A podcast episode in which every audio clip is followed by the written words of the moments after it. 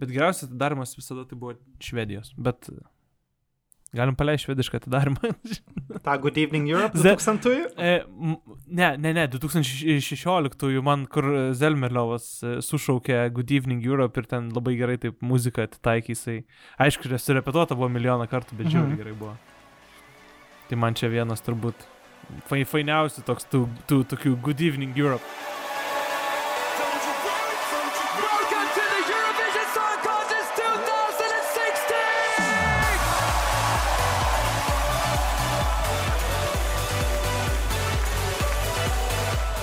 Tai turbūt su šito galim ir pradėti.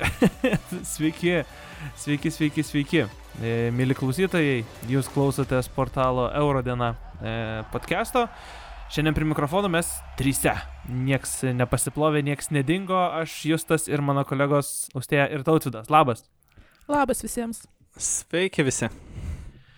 Um, nusprendėm šiandien be ypatingai didelių įžangų, nors va, visiškai ekspromptu gavosi tas Good Evening Europe.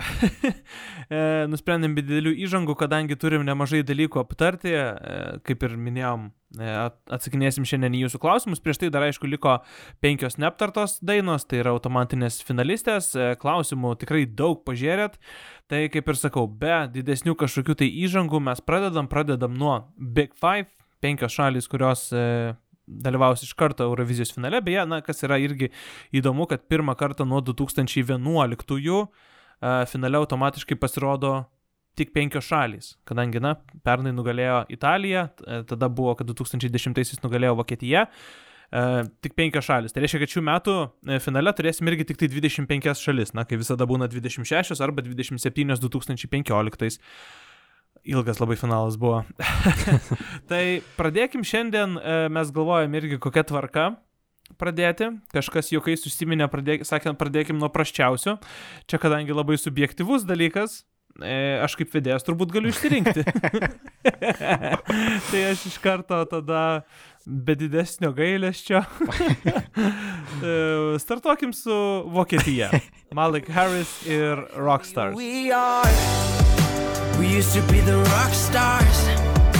Who never thought of no heart until this thing we call life stopped beaming. I wish there was a way to go back dreaming. We used to be the rock stars. Um, Šito neiškirpsiu. ne, ne, ne, ne, ne. Viskas dar bus paskui sumontuota į vieną dainą, kaip mes dainuojam.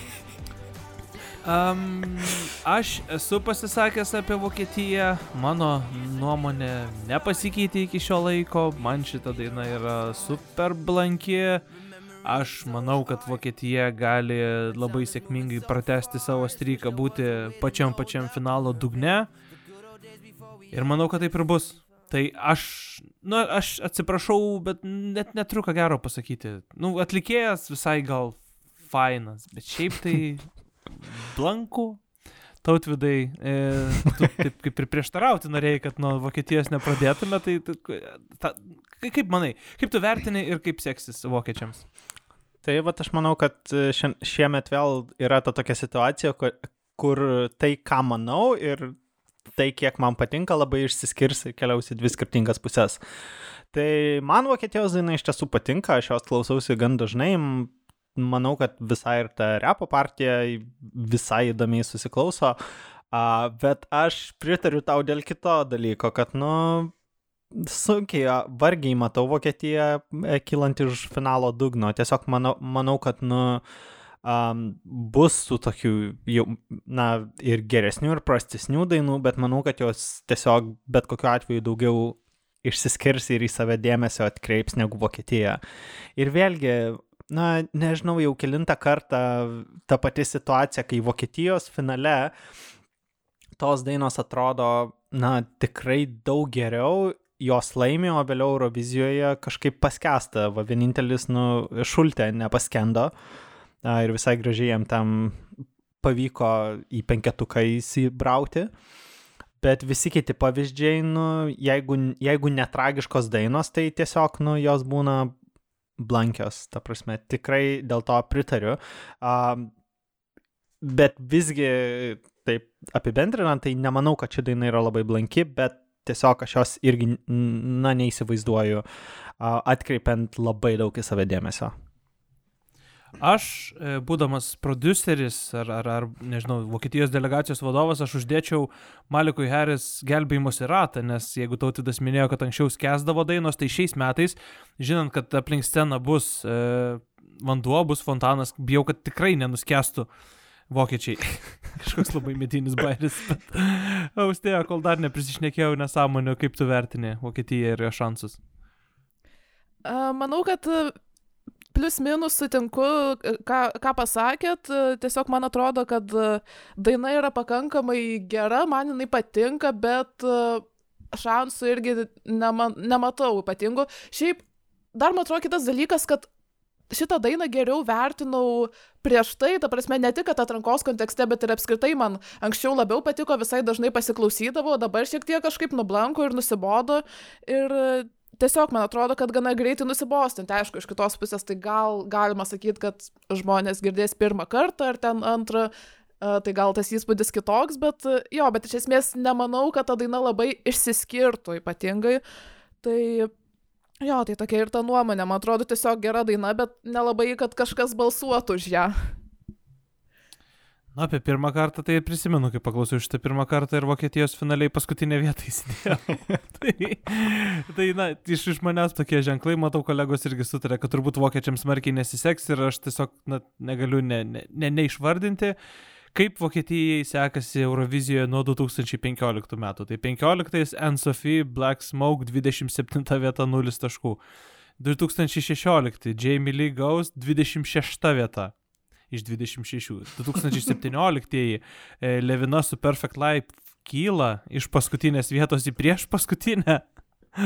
Um, tada, aišku, turėjom puikų Michael Schultę su You Let Me Walk Alone, kuris pateko į penketuką, užėmė ketvirtą vietą, ten tikrai ir nusipelnė iš šitos vietos, aš esu tikras.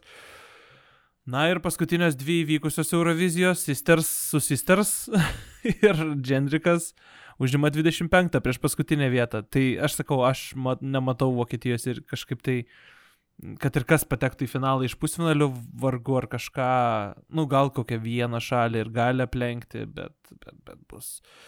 Bus sunku, gaila, gaila ir dar, dar iš, aišku, žiūrint į šitą visą vokiečių sąrašiuką, labai gaila, kad ir 20 Eurovizija buvo atšaukta, kada Bendoličius su Violent, Violent Thing turėjo bent jau dainą gerą, nors tas pasirodymas Frankfurte berots, kur, kur, kur jį matėm, tai Jo. jis toks netrodė labai gerai. Um, na, bet ką padarysi? Ką padarysi? Uh, sėkmės. Aš, žinot, kaip aš kaip užkėtėjęs Vilniaus ryto fanas, jaučiuosi kaip Vokietija dažnai ir visada sakau, nu kitais metais bus geriau. tai, tai, tai šitą gaidą e, judėkim prie kitos šalies. Um, ir iš principo dabar jau taip jeigu sakėm, kad eisim nuo, sakykime, prasčiausių link geriausių, aš kažko netgi išskirti labai baisiai ir negaliu. Aš tai, Tai, tai galiu. žiūri. Gali? Nu, aš tai Galiu. O, nu, gerai, gerai. Tai, oi, abu du galit. Nu, davai. Tai tada e, Tautvidas, kadangi pirmas pasakė, tai Tautvidai pristatyk kitą e, Big Five dainą. Tai kita Big Five daina atkeliauja iš dar vienos šalies, kuri aukštų pozicijų Eurovizija pastaraisiais e, 15 turbūt metų jau e, ne, nelabai pasiekė. E, ir kalbu apie Junktinę karalystę, kurią šiemet atstovaus Sam Ryder su daina Spaceman. Up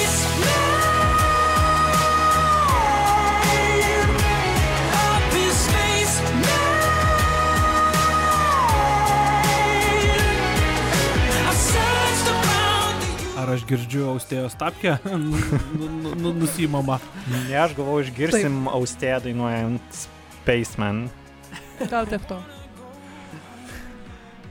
Nu, Tautvidai, tai Tai argumentuok, kodėl gerai. tu norėtum šitą dainą dabar aptarti iš karto vokiečių. Tai jeigu jau taip atvirumo valandėlę, tai aš šią dainą aptarčiau netgi prieš vokiečius, bet kadangi Oh. ne, neturėjau šios galimybės, tai a, vėlgi, kai aptarėm pirmą kartą, tai, na nežinau, mano nuomonė visiškai nepasikeitė. Aš manau, kad tai yra vienas geresnių Junktinės karalystės bandymų, kuris, na, panašu atkreipė dėmesį, panašu jie jau čia vakar berots e, įgyrėsi, kad e, jų visi ten scenos propsai atvažiavo iš, iš, iš Junktinės karalystės į Turiną.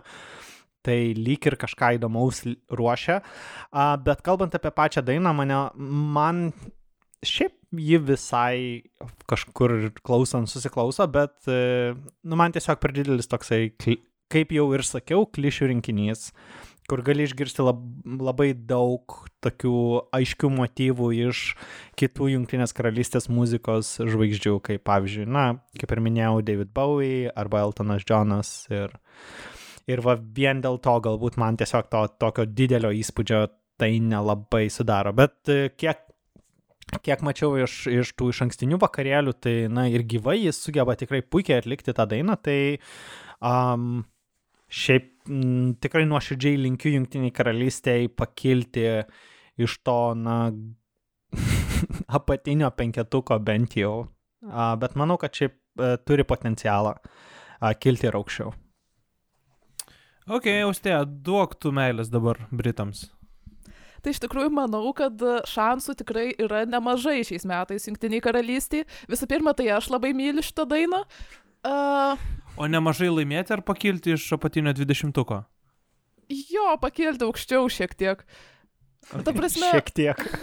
ne, aš nežinau, sunku pasakyti, aišku, priklausomai nuo pasirodymo ir, ir viso kito, bet tiesiog man atrodo, kad nors ir pernai sakėm, kad gal pagaliau jau neužims ten paskutinės vietos ar ten, ar ten apatinio penketuko ar panašiai, o kai baigėsi žinom, bet e, šiemet, man atrodo, yra skirtumas tas, kad e, daina nėra gera vien tik radijui. Mes matėm atlikėjo pasirodymus, kurie buvo visiškai nuostabus, tiek vokalas labai nuostabus ir ne tik, kad, ne tik, kad jis, sakykime, išdainuoja ar ten sudainuoja tvarkingai, bet tos aukštos natos yra tikrai labai įspūdingos.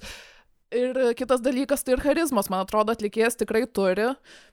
Uh, ir pateiks visą tą pasirodymą, bent jau kiek tai nuo jo priklauso, aišku, ten kokios uh, kokios scenografijos detalės, tai mes nežinom, tai visko gali būti, bet man atrodo, bent jau iš paties atlikėjo tikrai yra tas potencialas ir dėl to tikrai matyčiau, aišku, nelaimint, tikrai man atrodo, bet e, gal su kokiu nors geru pasirodymu net ir kokį dešimtuką matyčiau, aišku, čia labai toks, tokia jau, sakykime, sakykim, drąsi prognozė, bet e, jo, bet man atrodo, kad tikrai šansų yra ir pasiekti tikrai gerą rezultatą. Mano tai nuomonė apie šitą dainą nepasikeitė nuo tada, kada mes ją aptarinėjom.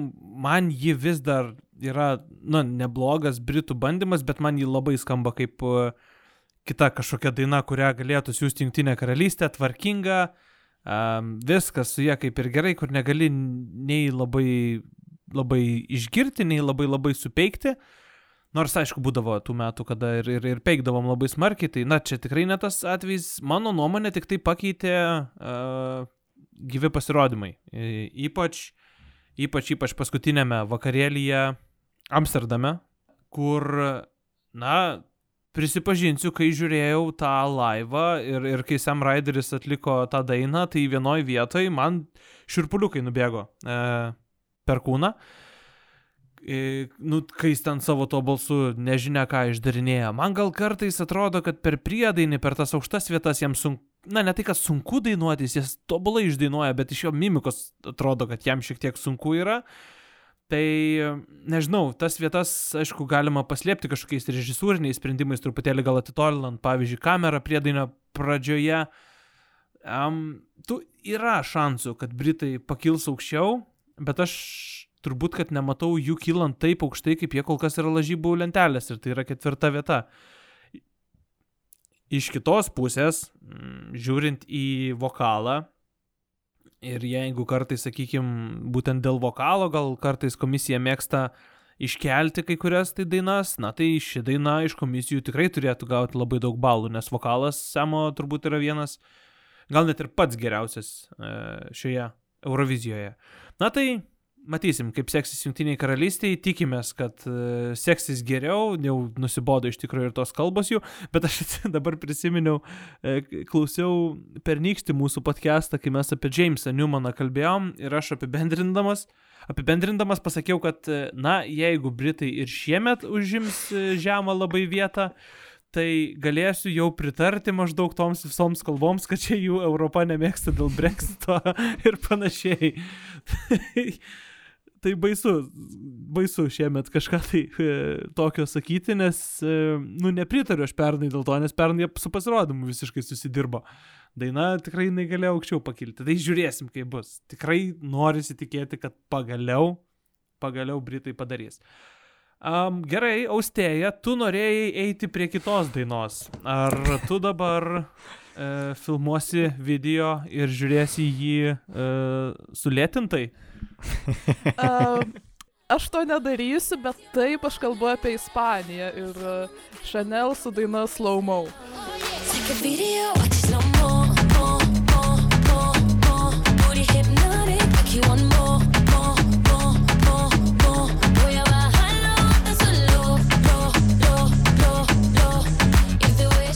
Tai nėra taip, kad aš manyčiau, kad tai yra, sakykime, daina, kuri ten užims paskutinę vietą, ar ten, ar kažkaip panašiai, nors norėčiau visai, nes mano topai yra gale. Aišku, kita vertus, tai nėra pačiam, pačiam gale, nėra bent paskutiniai vietoj, sakykime.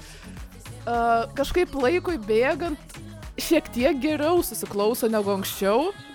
Plus, aš manau, Būti atlikėjai... hipnotik, užhipnotizavo. Dar, dar mėnesį turim, dar mėnesį turim. Taip, pas, pasitaškysiu Euroklube. Nu, Čia, ta prasme, tūkstantis lengviau negu Eurovizijai palaikyti. Bet šiaip tai... Uh, jo, tai man atrodo tik- tikrai visai e, jaučiu tam tikrą pagarbą atlikėjai iš tą jos talentą, sugebėjimą šokti ir dainuoti pakankamai gerai, nepadūstant. Uh, tai jo, pati daina, aš manau, vis tik yra tokia Uh, visų pirma, tai apie nieko, visų antra, tai ir iš muzikinės pusės tokia ganėtinai lėkšta, bet kaip jau sakiau, šiek tiek geriau jau susiklauso, taip tiesiog klausant. Tai tas yra, bet šiaip, jo, bet šiaip tai tikrai yra vis tiek viena blogesnių, sakykime, dainų šiais metais.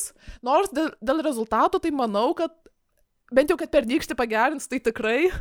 O šiaip tikėčiau, kad gali ir dešimtukė atsidurti, nes man atrodo, kad su Ispanija yra taip, kad nors siuntė tikrai nuostabias dainas praeitį, kaip pavyzdžiui 2015 ar 2016, galų gale pernai daina man irgi patiko, ar dar ir kitais kažkuriais metais, bet man atrodo, didžiausia problema dažniausiai buvo būtent pasirodymas, o dabar matom atlikėjus kitus pasirodymus, tai visai matyčiau ir dešimtukę Ispaniją šiemet.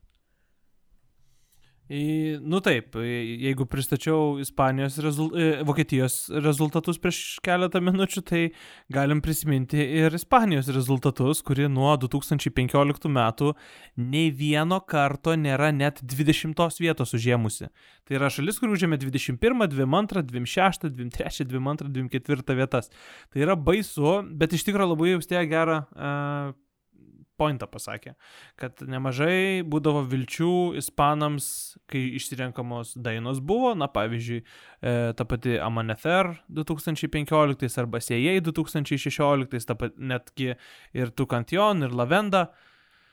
Um, tik tie pasirodymai vis kažkokie tai netokie buvo, nors aš, pavyzdžiui, nu visiškai vis tiek nesutinku, kad Miki 2019 turėjo likti taip žemai, na, o šiemet, na, turėtų, ne, neturėtų jau Chanel tikrai susimauti su pasirodymu.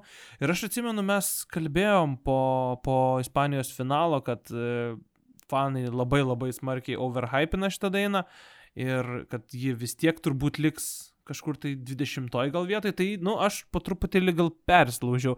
Vis dar manau, kad fanai labai smarkiai pervertina dainą, e, ypač jeigu mes kalbam apie programėlę My Eurovision Scoreboard, kur e, su Švedija tenai vyksta vis lenktynės dėl pirmos vietos, ar tai Ispanija ar Švedija bus pirma. Niekaip nematau, kad jinai turėtų būti pirma. Aišku, fanams gali patikti. Um, Bet aš jau irgi po, po truputį galbūt linkčiau link to, kad Ispanija galėtų, na, apie dešimtą kokią vietą gal ir uh, užimti. E, Tautvidai, ar tu irgi kažkuria tai pusė labiau linksti, ar, ar, ar nepasikeitė tavo nuomonė dėl Ispanijos? Um, turbūt iš visų šitų penkių dainų, kurias šiandien aptarėme, apie Ispaniją labiausiai pakeičiau savo nuomonę ir, ir tikrai gerąją pusę. Šiaip esu tas, kuris, na, sakykime, nežinau, turiu labai įdomų ryšį su tom tokiom greitom, e, ugningom merginų atliekamom dainom, kaip pavyzdžiui, na, Fuego man iki šiol tai, nu, nėra daina, kurios aš savanoriškai klausyčiausi, bet jeigu paimti kokios tamtos replay, tai sukasi playlistę nuolatos, tai nežinau. E, Su Chanel man yra tas atvejis, kai pats pirmas įspūdis buvo toksai, hmm, nu, okei. Okay. Bet e, man atrodo, aš jau tai aiškinau, e, na, bandžiau motivuoti ir po nacionalinio finalo, kad tiesiog, na, aš palaikiau Rigobertą vandenį ir, ir daugiau nieko nenorėjau matyti laimint. Tai galbūt dėl to tas įspūdis toks buvo, bet jeigu dabar, tai um, Chanel su Slaumau yra viena iš turbūt, nežinau, um, penkių mano mėgstamiausių šių metų dainų dabar, arba ir tikrai viena klausomiausių. Um, jos pasirodymai visi yra tiesiog nuostabus. Ir e, vėlgi tas klausimas tai tikrai išlieka, kai, kaip viskas bus įvertinta, bet aš manau, kad na, šiemet na, tikrai nusipelnė a, labai neblogos vietos ir tikiuosi, kad pavyks visgi kilti aukščiau. Um, kalbant, jeigu taip tiesiog reikėtų spėti, tai aš irgi linkčiau, taip sakykime, um, spėti maždaug taip šiek tiek galbūt aukščiau nei dešimtą vietą, bet, na, čia būtų toksai gana atsargus spėjimas.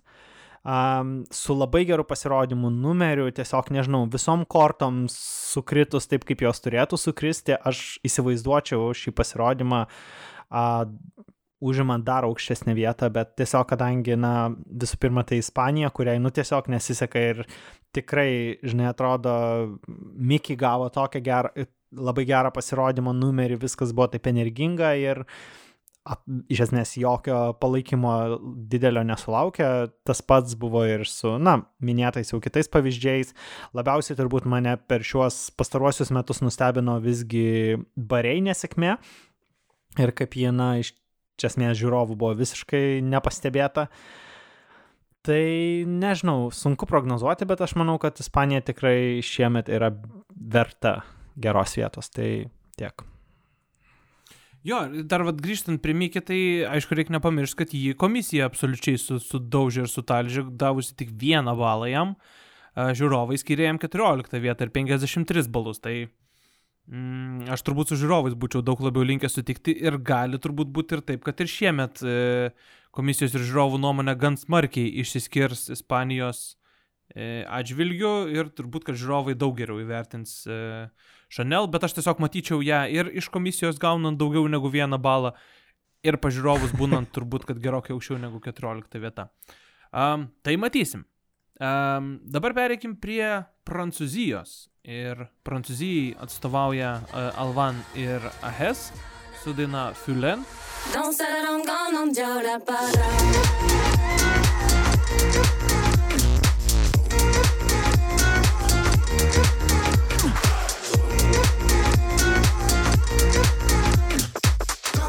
Ir aš turiu pasakyti, kad Prancūzija pastaruoju metu turbūt yra šalis, kuri labiausiai pakilo mano topę daina, kurios paskutiniu metu aš klausausi be nedažniausiai. Ir, nu, kaip ir pasikeitė nuomonė nuo finalo, kaip ir nepasikeitė. Iš vienos pusės daina tikrai yra labai įdomi. E, jo, daina yra labai įdomi, bet man tas visas pasirodymas iš finalo ir ir iš visų preparčių, nu vis tiek ten yra bardakas ir vis tiek jis gadina bendrą vaizdą. Tai vienintelė viltis yra, kad prancūzai susitvarkys tą iki Turino. Bet kol kas, nu nepanašu, vis tiek panašu, kad jisai ten tampys tos tris skirtingus instrumentus ir būgnais gros, ir ten gitarėlę gros, ir dar kažko tai gros. Na, o tos merginos, čia kaip, kaip išsireikšti, kad, na, ne, ne, nepasirodyčiau nepagarbus, bet, nu, sakykime, klikauti scenoje irgi reikia mokėti. Ir man atrodo, kad jom nesiseka to daryti, nes yra tikrai tų vietų, kada labai tinka tie tokie užvedami šūkiai, kliks, kliksniai ir panašiai, bet nu šitoj vietoj gyvam pasirodyme tai tiesiog neskamba ir, ir, ir gadina tą visą bendrą įvaizdį. Tai prancūzai, sakau, viena labiausiai man užgrauvinusių dainų yra šiais metais. Um, bet labiau jos studijinė versija ir, ir, ir nu, to visų dainos įdomumu ir, ir etniškumu ji mane pavergė, bet aš vis dar netikiu šituo pasirodymu. Uh, tautvidai, kaip tu vertintum Prancūziją ir kaip manai, kaip jiems seksis? Tai taupant mūsų eterio laiką, tiesiog pasakysiu, kad aš absoliučiai sutinku su Justu. Man patinka šios dainos klausytis, bet tie pasirodymai, kuriuos mačiau, tai, nu, absoliutus bardakas, tikrai kitaip ir nepavadinsi. Um, tai nežinau, labai pozityvai kol kas manęs tai nenuteikia, nes, na, nežinau, ar tikrai jiems pavyks viską normaliai sutvarkyti. Tai jeigu tai prognozuoti, tai aš būčiau į tą tokią 15-20 vietą kategoriją dėčiau šiuo metu. Nes manau, kad... Na, Aš- pat, sorry, atsiprašau. Nes matau, kad tiesiog pati daina šiaip yra, na, įdomi iš tiesų. Ir tie etiniai motyvai, kaip minėjai, ir, ir, na, manau, kad gali atkreipti dėmesį, bet, nu, pavyzdžiui, nu, aš neįsivaizduoju, žinai, komisijos, pavyzdžiui, tai įvertinant, nors, aišku, visko pasitaiko, bet, nu, tiesiog, nu, labai didelis buvo, ne, nežinau, tie pasirodymai visi kažkokie labai labai nekokybiški kol kas.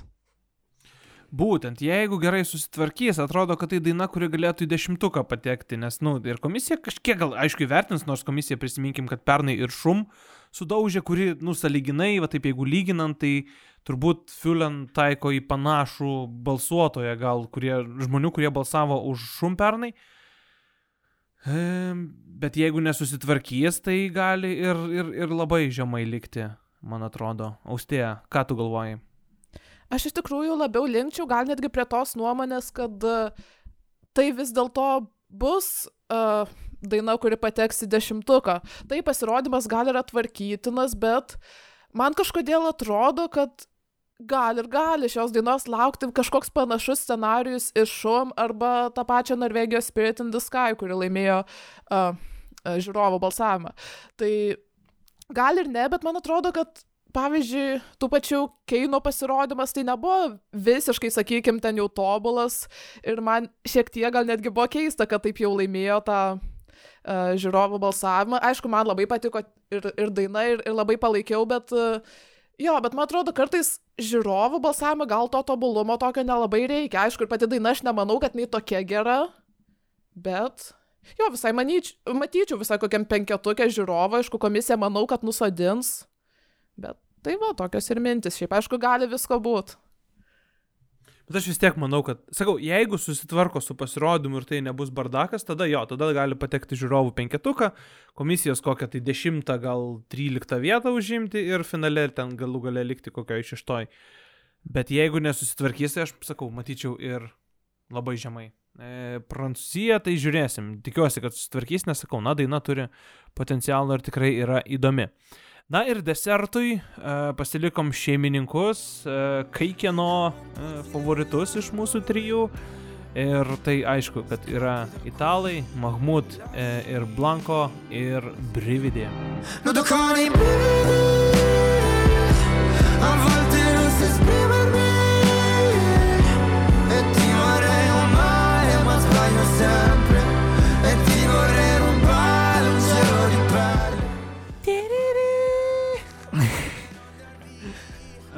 Neiškirpsim šito. kadangi aš montuoju, tai aš, aš ir nuspręsiu. Nesažininkai. Turėsi palikti. E, Žiūrėsim. Tai italai, italai, italai, italai vieni iš šių metų Eurovizijos favoritų pagal lažybininkus, kol kas yra antroje vietoje dėl tos pergalės. Ir aš taip galėčiau pasakyti, kad aš turbūt sutinku su šita prognoze, bet nematau jų laiminčių. Aš pernai tą patį beje sakiau apie italus, aš sakiau, kad jie turbūt, kad Moneskin turbūt gali užimti vietą penketukę, gal ir antri, treti likti, bet turbūt, kad nelaimės. Aišku, viską pakeitė pasirodymas. E, nu, bet ir šiemet, nu, aš sunkiai įsivaizduoju. Tiesiog, jeigu laimėtų ta pati šalis du metus iš eilės, nu tai būtų mind blowing. Plus yra Ukraina, plus yra Švedija.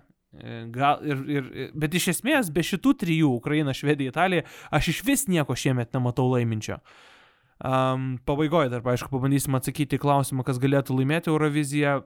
Tai nežinau, nežinau. Man šiek tiek tokių klausimų kyla. Kaip komisija, kaip, kaip, kaip galų galiai jie sudainuos, nes visokių versijų girdėjom, e, Sanreme neblogai lyg ir skambėjo, a, bet e, mačiau pasirodymą iš Expo parodos, kur Mahmudas su Ukrainos vėliava atliko šitą dainą ir skambėjo tai labai blogai. Aišku, turbūt, kad taip nebus e, Eurovizijoje. Na, bet yra rizikų ir e, nežinau, iš kitos pusės vėlgi, tai yra tiesiog puikiai itališka, labai jautri, graži baladė, kuri turbūt daugam patiks. Mm, tai sakau, visgi matyčiau turbūt Italiją vėlgi geriausiųjų penketuke, bet, na, galim prisiminti, kad jie pasirodys devintojų numeriu, kas irgi nėra taip gerai, iš kitos pusės su tokiu numeriu irgi gali a, laimėti. Tai, žodžiu, toks minčių kratinys, tautvidą paliksim pabaigai iš, iš, išgirti austėją. Kaip tu uh, galvoji, kaip seksis italams? Aš visgi manau, kad Italija šiek tiek yra pervertinama.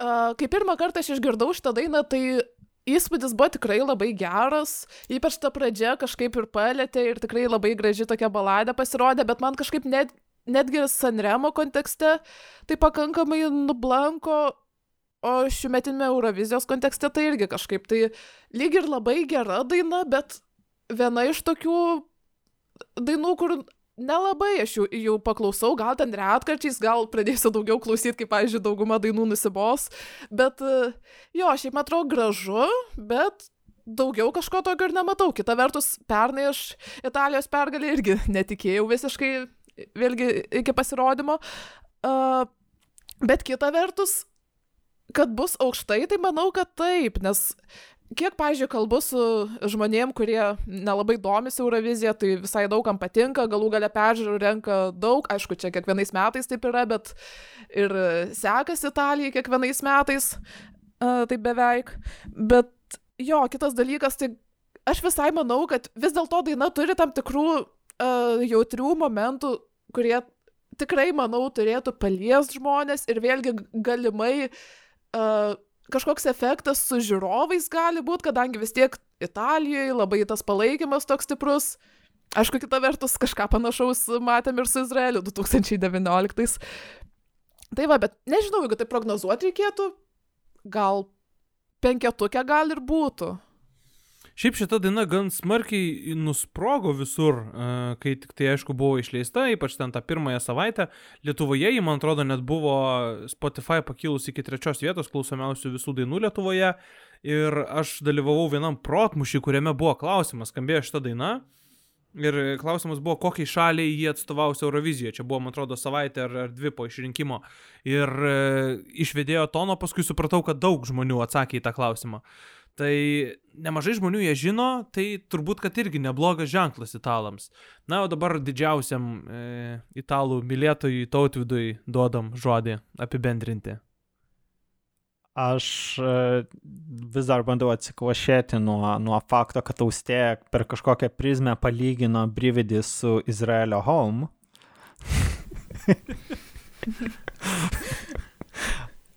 Absurdas.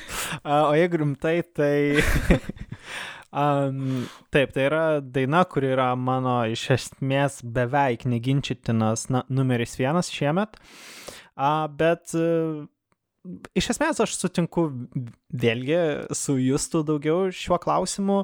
Um, aš manau, kad tai bus kūrinys, kuris bus labai labai gerai įvertintas. Aš tikrai matyčiau jį penketukę, galbūt ir tretukę, bet nesu labai tikras, ar tai tikrai yra daina, kuri laimėtų. Nes aš, na, tiesiog matau bent vieną aš, e, dainą, kuri, manau, na, tiesiog bendrame rezultate tikrai turėtų būti aukščiau. Uh, na, galbūt ne tai, kad turėtų būti, bet manau, kad bus. Um, o šiaip tai, nu, aš absoliučiai neturiu nieko blogo pasakyti, manau, tai yra absoliučiai nuostabus šeimininkų kūrinys, uh, bet vėlgi tas faktas, kad jie yra šeimininkai, na, pastaraisiais kokiais, kokius dešimt metų tai labai dažnai atsisuka prieš šeimininkus. Uh, na, švedams, kai jiems atstovavo Franz, visai neblogai pasisekė iš esmės, o prieš tai tai net nežinau, turbūt, turbūt būtų Serbija, kuri dešimtuką Azerbaidžanas pateko. dar, dar Azerbaidžanas. dar Ai, na, va, 12 Babajeva, taip. Na, bet tai tokie labai nedažni atvejai iš tiesų. A, Ir vėlgi, Danija iš kartais- tikrųjų. Dabar kai Nu, taip, ir galvoju, Danija, na, Danija taip, dešim, dešimtą vietą užėmė, taip. Tai manau, kad, na, tiesiog tai turėtų patikti ir žiūrovams, ir komisijai. Ta daina, kaip ir jūs tas minėjo, yra, na, gan žinoma jau. A, perklausų labai daug turi įvairiose e, platformose muzikos klausimo, tai, nu, nežinau. Um, bet vat, jeigu reikėtų statyti, ar tikrai Italija dabar laimės Euroviziją, tai aš to nedaryčiau. Mhm. Tai va, tai visas dainas jau kaip ir aptarėm šių metų Eurovizijos ir, mm, nežinau, dar tokiam galutiniam apibendrinimui. E, paklausiu taip, kas yra jūsų topė pirmoji ir paskutiniai vietoj? Va taip va. um, kol jūs ten dar gal prisiminsit, susižiūrėsit, tai mano atsakymas yra pirmoji vietoj Ukraina, Kalušo orkestra, paskutiniai vietoj Bulgarija, dėl šito turbūt visi gal sutarsim, o gal ir ne visi. E, Austėja, kas tavo pirmoji ir paskutiniai vietoj? Tai mano pirmoji vieta yra Švedija, o paskutiniai Bulgarija. Mhm, tautvidai? Pirma Italija, paskutinė Bulgarija. Nu va, kaip mes papjovėm Bulgariją. Nu, va, sutinkam bent dėl kažko. Bent dėl kažko sutinkam. Jo. Tai gerai, tai visas šalis e, apžvelgiam, e, pačioje podcast'o pabaigoje pabandysim paspėlioti, kas ir laimėti Euroviziją gali, o dabar einam prie jūsų klausimų, kurių turim tikrai daug ir e, daug labai įvairių kanalų naudojot juos atsiųsti ir asmeniniam žinutėm ir per Discord, ir e-mail, ir komentaruose visur. Tai aš labai tikiuosi, kad nei vieno klausimo niekur nepraleidau, bet jeigu praleidau, labai nepykit, labai labai labai atsiprašau. Um, tai judam prie klausimų, a, bandžiau jo šiek tiek ir, ir, ir dalį padėlioti, e, kad, kad, kad kažkaip sėtųsi, dalis aišku ir kartojasi, bet pradėkim nuo pačio pirmojo. Em, Kaip manot, e, kuriame balsavime Lietuva užims aukštesnę vietą komisijos ar žiūrovų? Ir e, mes kažkada jau kažkaip taip lyg ir svarstėm, kaip galėtų būti, ir mano spėjimas buvo, kad Lietuva užims turbūt labai panašią vietą tiek žiūrovų, tiek komisijos balsavime. Labai smarkiai neišsiskirs, tai jeigu taip tik tai reiktų spėti, aš sakyčiau, kad gal kokią vieną ar dviem vietom, sakykim, žiūrovai, gal, e, ne, nežinau, nes žiūrovai ir komisija. Nu, sakykim, komisija geriau gal ke keliom vietom įvardins. E, Tautvidai, kaip tu spėtum? E, Irgi turbūt taip tiesiog šaunant komisiją. Mhm, Austėja? Uh, iš tikrųjų labai sunkus klausimas. Aš man, man atrodo, sakyčiau, maždaug lygiai, žinant, kaip uh, Lietuvai lygiai ir duoda balų vis tiek, uh, ypač tam tikros šalis, iš kurių galbūt yra ar emigrantų, ar, ar kaimininės, vis tiek susirenkam. Šiaip žiūrovai lygiai ir, sakykime, palaiko taip daugiau mažiau, aišku, gal ne visada, bet jo, komisija, aišku, taip galimai tą, tą atlikėjos charizmą ar ten dainos išskirtinumą palaikys, bet šiaip nežinau, ar tai yra ta daina, kurią labai ten komisija ypatingai palaikytų, tai taip spėčiau, kad gal komisija, bet tai per kokią vieną vietą irgi. Mhm. Na, tai maždaug sutarėm, kad turbūt, kad apylygis bus tas rezultatas. Um, kitas e, klausimas. Ir šitą klausimą daug kas uždavė, tai aš tiesiog visus tos jūs taip ir perskaitysiu. Vieni e, vienaip suformulavot, kiti kitaip. Kurios šalies e, patekimas arba nepatekimas į finalą būtų netikėčiausias? Kas būtų šok e, non-qualifier arba šok qualifier? Ta prasme, kas patenka netikėtai į finalą ir netikėtai. E, Kurios fanų ne, pa, pamėgtos dainos nepaliks didelio įspūdžio jų klausantiems pirmą kartą pusfinalio metu, o kam, kurios fanams jau atsibodusios dainos pasieks gerus rezultatus. Kas bus Dark Horse, o kas flopins? E, bendrai taip, klausimas. Tai aš manau, kad turbūt verta šitą iš trijų pusių pažiūrėti. Tai pirma pusė - pirmas pusfinalis, antra pusė - antras pusfinalis ir trečia pusė - bendros prognozės. Tai jeigu taip žiūrėti į pirmo pusfinalio, sakykime, prognozes, čia, sakykime, penkios aukščiausios vietos yra žadamos Ukrainai, Norvegijai, Graikijai, Niderlandams ir Albanijai, bent jau pas lažybininkus. Ir aš prisipažinsiu, aš nematau nei vienos šitos šalies flopinančios, nebent graikai sugebės sudirbti su pasirodymu, nes visus kitus pasirodymus vienai par kitaip mes matėm ir jie buvo geri. Su Graikija matėm jos uh, gyvą atlikimą dainos su choru, kuris labai gerai skambėjo, tai irgi manau, kad viskas turėtų būti tvarkoj, bet vat už, už šitų penkių šalių yra Armenija ir Portugalija, kurių, kuriuom gan užtikrintai žadamas patekimas į finalą, bet iš principo ir viena, ir kita, jeigu flopintų, na tai būtų kaip ir šokas, bet kaip ir įsivaizduočiau tokį e, variantą. Tautvidai, ką tu matytum flopinančio pirmajame pusfinalyje? Jeigu iš tų tokių pirmų penkių, nežinau, nenoriu į tai, taip galvoti, bet, nu, nežinau, sakykim, kai išvardinai šitas penkias, nežinau, pagalvoju apie Niderlandus. Uh, Mm. Nors visi tie pasirodymai tikrai labai geri ir labai kokybiški ir manau, kad na, jį tiesiog išsiskirs, bet, vat, nežinau, kažkokiu būdu, jeigu, nežinau, šiek tiek paskestų tarp, tarp didelio triukšmo, kuris sups Niderlandus, tarp, na, nes jie pasirodė tarp Bulgarijos ir Moldovos. Uh, bet, na, šiaip irgi iš esmės nelabai matau iš tų pirmų penkių šalių kažkurios nepatenkant į finalą. O toliau tai taip, galbūt, sakykime, Armenija būtų ta tokia realiausia pretendentė, mano nuomonė. Mhm, austėja.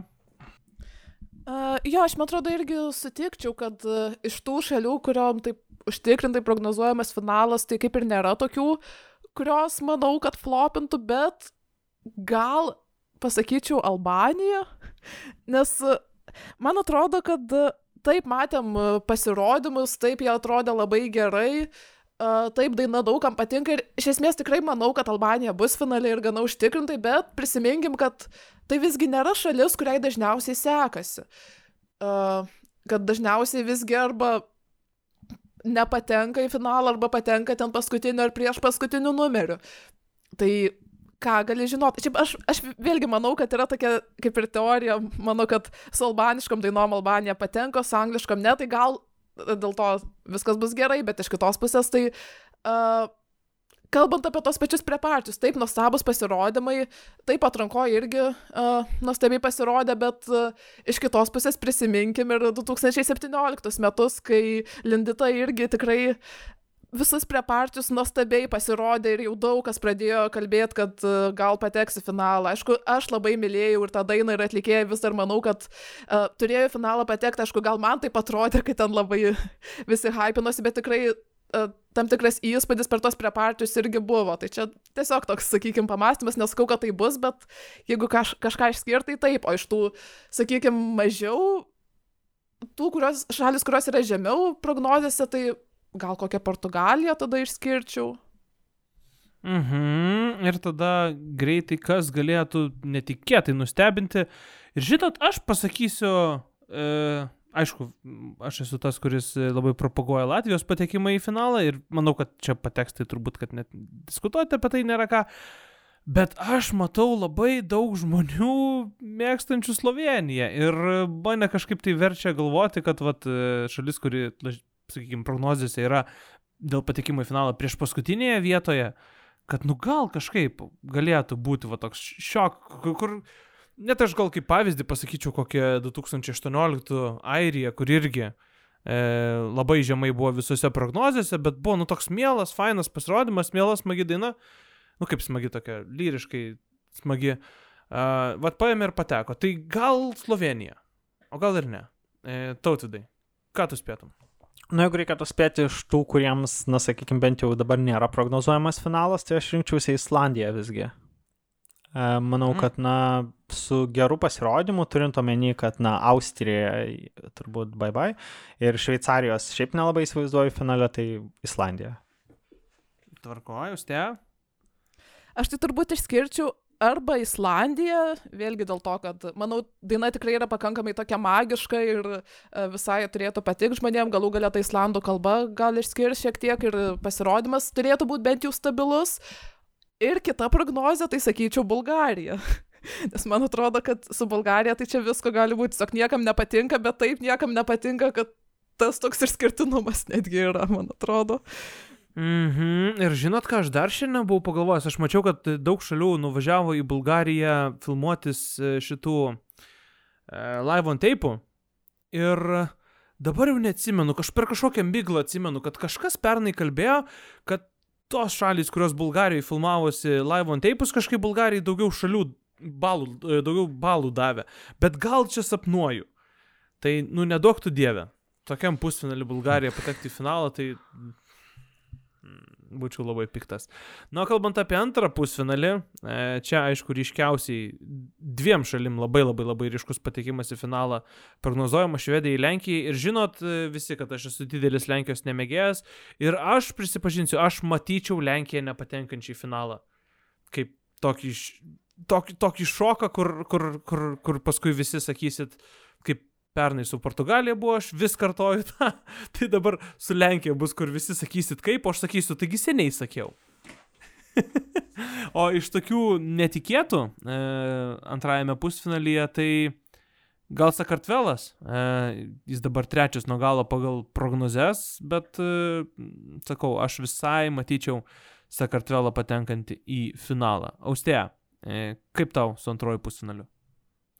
Aš dar sakyčiau, kad yra dar tas niuansas, kad e, sunku dar įvardinti kartais, kas yra tas, sakykime, ten, e, kas, sakykime, ten mane šokiruotų ir kas tam tikrus fanus. Tai tiesiog man atrodo, kad, pavyzdžiui, tas pats Sakartvelas, jau jūs to minėtas, tai būtų pakankamai realu, kad patektų į finalą. Aš, aš kažkaip labai Mhm. nenustepčiau, tikrai. Čia panašiai beje kaip ir kaip ir buvo su kokiu nors San Marinu 2019 metais irgi daug kas sakė, oi kaip čia galėjo patekti, bet aš iš karto irgi sakiau, kad turbūt pateks. Uh, jo, o, o kas taip, ne, nežinau, tikėtai, netikėtai nepateks į finalą, tai manyčiau, kad Kipras, aišku, sakau, aš irgi labai nenustepčiau tuo, bet uh, Nežinau, aišku, labai norėčiau Kipro finale, e, patinka man labai ir ta daina, bet sakau, nematėme jų pasirodymų gyvų, tai visko dar gali būti, o fanai lyg ir vertina ir lyg ir tai ir būtų kažkoks toks, sakykime, šokas kai kam. E, nu jo, Kipras e, toj pačioj Eurovision scoreboard pusfinalyje yra trečioji vietoje, tai turbūt daugumai fanų būtų didelis šokas, jeigu Kipras nepatektų.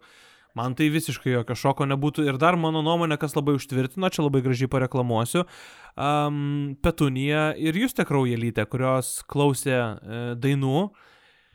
Na ir Kipro labai silpnai įvertino ir, ir visiškai net dainos metu tiesiog kalbėjo, kad tai yra nuobodi daina ir kad e, joms nepatinka.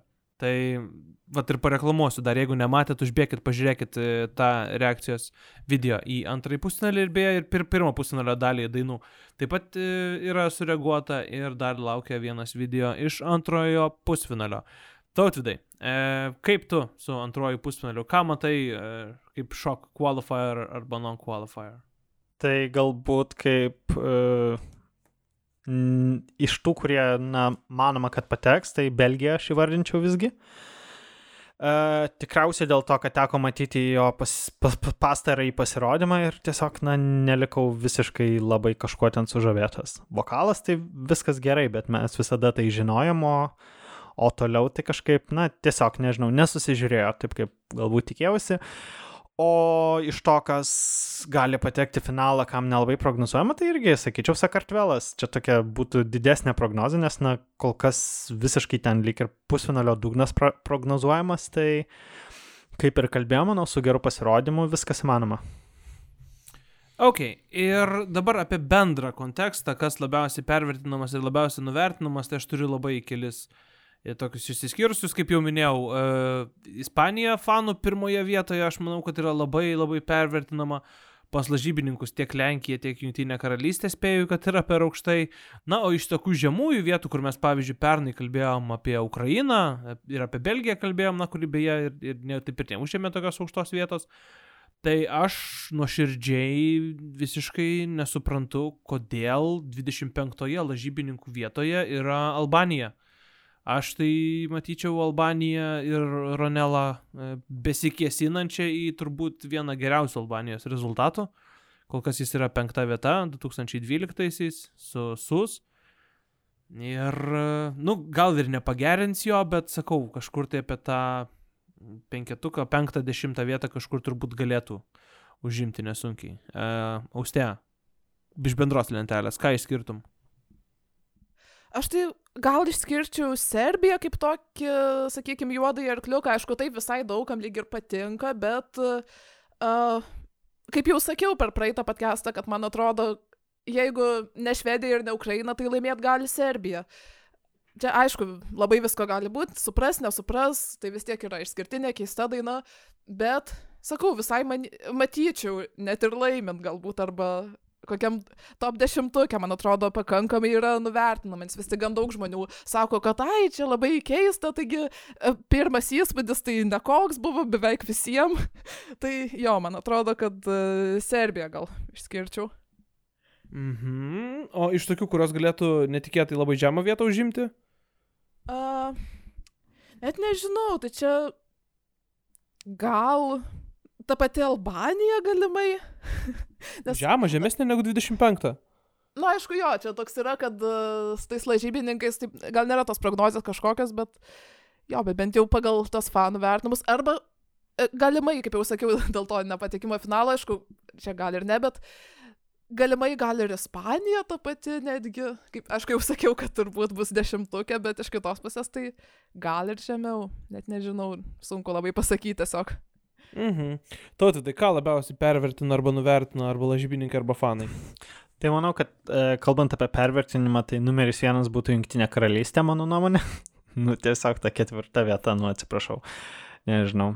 E, ir šiaip žiūrint, man Šveicarija užkliuvo, nes irgi manau, kad na, tai daina, kuri vargiai pasieks finalo, prognozuojama iš esmės vos ne vieta kairėje į lentelės pusėje finale. Tai e, abejočiau dėl to. O kalbant apie tai, kas galėtų kilti aukščiau negu prognozuojama, tai aš net nežinau. Šiaip iš esmės turbūt, manau, Albanija yra labai neblogas spėjimas, turint omeny, kad taip žemai, bet šiaip aš atkreipčiau dėmesį ir į Lietuvos šansus vertinamus, kurie yra labai labai prasti, tai aš visgi manau, kad nebus taip blogai, kaip yra manoma, na, spėjama, prognozuojama. Tai, tai taip. Čia vėlgi, kaip ir pažiūrėsi, tą pačią Albaniją lažybininkai kol kas 25 vietoje laiko, fanai, pavyzdžiui, toje pačioje programėlėje mūsų daug kartų minimoji 5 vietoje. Um, ta pati Lietuva pas lažybininkus 34, fanų programėlėje 20 vietoje, o pavyzdžiui Discordo, Discordo balsavimas, kuris beje, na, oficialaus to ar unoficial, unoficialaus Discordo tiksliai net ne, ne, nežinau, ten jų tiek prisikūrusių yra. Ten irgi e, žmonės balsuoja ir daug fanų yra balsavusių, dabar matau yra daugiau negu 900 įvertinimų, tai čia pavyzdžiui e, Lietuva yra devintoje vietoje e, iš visų beveik tūkstančio balsavusių žmonių. Um, tai irgi neblogas, man atrodo, uh, spėjimas tautvido būtų. Gerai, užsišnekėjom ties šitų klausimų, bet jis toks labai platus. labai trumputis Andžiai klausimas austėjai, kas rezultatų lentelėje liks aukščiau? Uh, Chanel ar Vladana? Tai turbūt akivaizdus atsakymas, kad uh, Chanel. Aš kaip sakiau, kad jos vienoje lentelėje taip ir nesusitiks šiais metais. Tai taip. Labai galimai. Nes jo, kad ir mėgstu ir Vladaną, bet vėlgi čia iš tos pusės labiau, kad tiesiog yra tie tam tikri outsideriai, kuriuos palaikau. Nėra, kad pas mane topė labai ten aukštai būtų, iš tikrųjų tai apie 20 vietą kažkur. Bet uh, Jo, bet šiaip, taip kaip jau sakiau per praeitą podcastą, kad man atrodo, į finalą tikrai nepateks, o Ispanija tai bet kuriuo atveju finale bus. Vien jau dėl to, to labiau, kad sak, sakau, gali Ispanija ir į dešimtuką patekti, nors ir nenorėčiau to. Um, gerai, e, kitas klausimas. Kurią vieną e, šalies atrankos nelaimėjusią dainą sukeistume su tą šalį atstovaujančia daina? E, Austėja, gal tu norėtum pradėti? Taip, labai noriu. Tai būtų taikosi, aišku, į Latviją. ir su Itio Salat sukeiščiau dainą A Happy Place, kuri, kurią atlieka duetas Inspo. Labai, aišku, daug kartų išgyriau šitą dainą.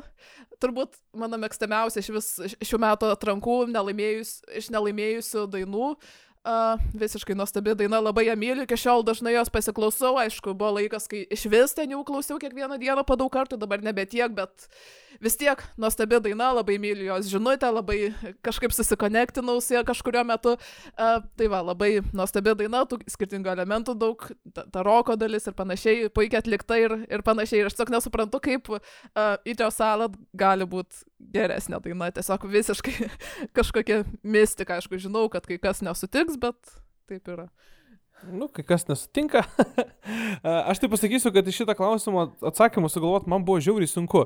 Na, pavyzdžiui, aš turiu tokių labai mėgstamų dainų, kaip Ispanijoje, pavyzdžiui, Reideno, bet man ir Chanel visai patinka, arba Slovenijoje, kur mano favoritai buvo Luma.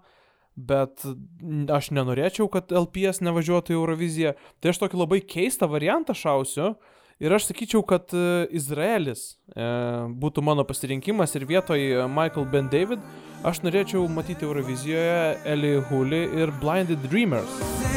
until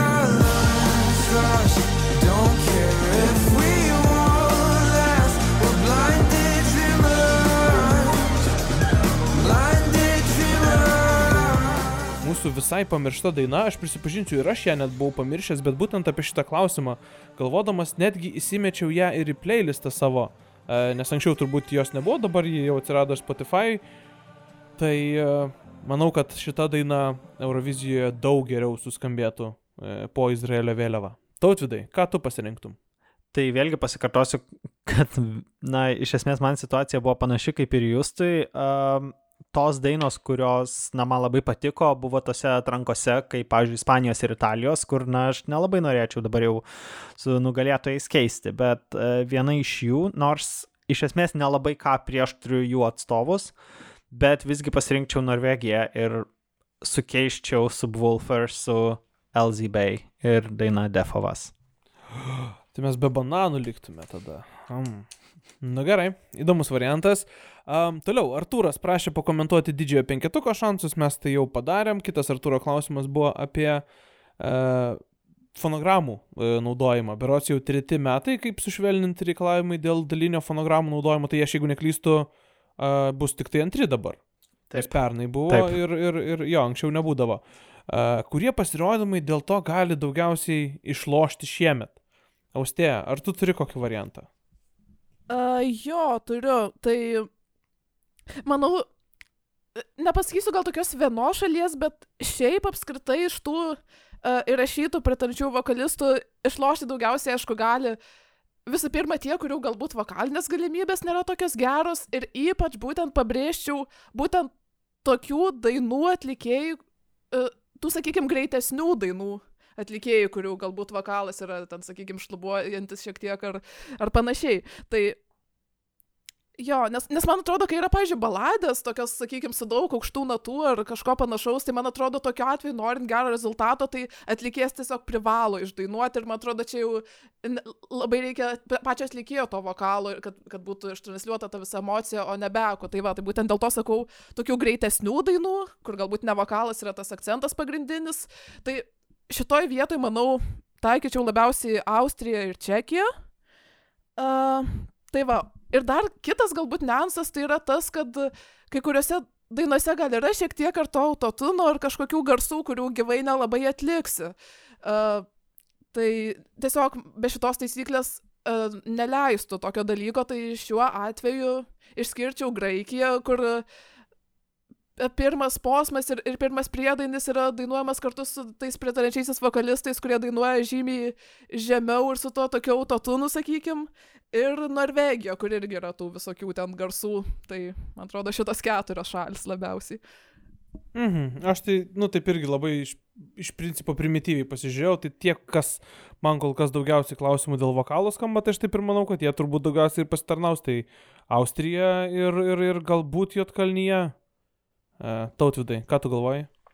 Tai aš turbūt tris išskirčiau, tai Norvegija, nes kol kas absoliučiai ten neaišku, kas, kas ten kiek dainuoja, nes nieko nematom. E, Suomija, nes manau, kad, na, jie tikrai patys neskamba labai gerai, bet su tokia trankesnė muzika sumiksuos tuos pritarančiosius vokalistus ir viskas atrodys daug geriau negu yra. Ir trečia, nieko prieš, bet, nu, aš manau, kad tiesiog taip tiesiog yra. E, Ispanija. Todėl, kad Chanel turi penkis šokėjus, iš kurių nei vienas nedainuoja, o, o realiai, na, sakykime, tų vokalų papildomų tai ten tikrai yra nemažai. Kad ir, na, kad ir kaip ji pati neblogai iš tiesų e, susidaroja su ta užduotimi, bet tiesiog, manau, nu, ten irgi bus labai daug tų prirašytų vokalų, nes, na, kaip ir minėjau, šokėjai nedainuoja. Tai tiek. Mhm. Ir trečias Artūro klausimas, pakalbėkite apie kelionę į Euroviziją, gal vyksite? Tai aš pats nevyksiu šiais metais ir turbūt pačiu e, repeticijų laikotarpiu nebūsiu toks aktyvus dėl to, kad reikia universitetą pagaliau pasibaigti. Šiemet jau paskutinis pusmetis, bet e, tiek Austėja, tiek Tautvidas planuoja būti turine. Ir Austėja, tai bus tavo pirmoji Eurovizija, ar jau viską susiplanavai? A, tai iš tikrųjų, a, nepasakyčiau, kad viską susiplanavau, bet turiu skrydžius, turiu apgyvendinimą ir panašiai. Tai iš esmės viskas, tie planavimo visi reikalai vyksta. Jo, bet šiaip tai, ką aš galiu pasakyti, labai tiesiog ilgai to norėjau, čia taip netikėtai kažkaip susimaščiau, kad va, kas liečia, pavyzdžiui, mokslus ar kažkokius tai darbus, tai visai gerai man taip išeina, tai nusprendžiau, kodėlgi taip nevaryti. Aš tikrųjų taip tikrai neplanavau ten pernai, pavyzdžiui, kad, kad va kitais metais ten važiuosiu būtinai, bet jo, bet labai iš tikrųjų taip smagu, kad va pavyko, kad va taip viską planuoju ir kad va ten būsiu, tai jo, labai džiaugiuosi, matysim, kaip viskas bus. Uh, Jo, tai, tai aišku, yra ir to nerimo dėl viso to, kai viskas pavyks, bet labai, jo, labai laukiu. Tai va. Mhm. Mano pirmas kartas irgi buvo toks visiškai netikėtas. Aš atsimenu, mes tiesiog sugalvojom sausį nuvaryti į Tel Avivą e, su drauge, nes norėjom kažkur, kur šilta keliom dienom išskristi. Ir aš pamačiau visus reklamas Eurovizijos ir galvoju, blemba, jeigu aš čia esu sausį, kodėl aš čia negaliu būti gegužė. Ir dar būtent tos kelionės metu nusipirkau bilietus į Tel Avivą e, ir, ir užsibukinau e, Airbnb. Tautvidai, tai bus kelinta jau tavo Eurovizija ir e, man atrodo, Austėja, tu neplanuoji į jokius live eventus e, eiti, ar ne? Planuoju į pirmą pusfinalį vis tik. Ai, į pirmą pusfinalį tu eisi. Ok, uh, tautvidai, nu norėjau tau šitą klausimą palikti, tai tebūnės tau tegul ir būna. Kelinta tavo Eurovizija bus ir e, kokius live eventus eisi ir kiek, jeigu nepaslaptis, kainavo biletai. Um, šeštoji bus Eurovizija. Atrodo, kad, na, nedaug iš tiesų, bet, na, pati pirmoji buvo dar 2011 metais, tai ja, praėjo labai daug laiko.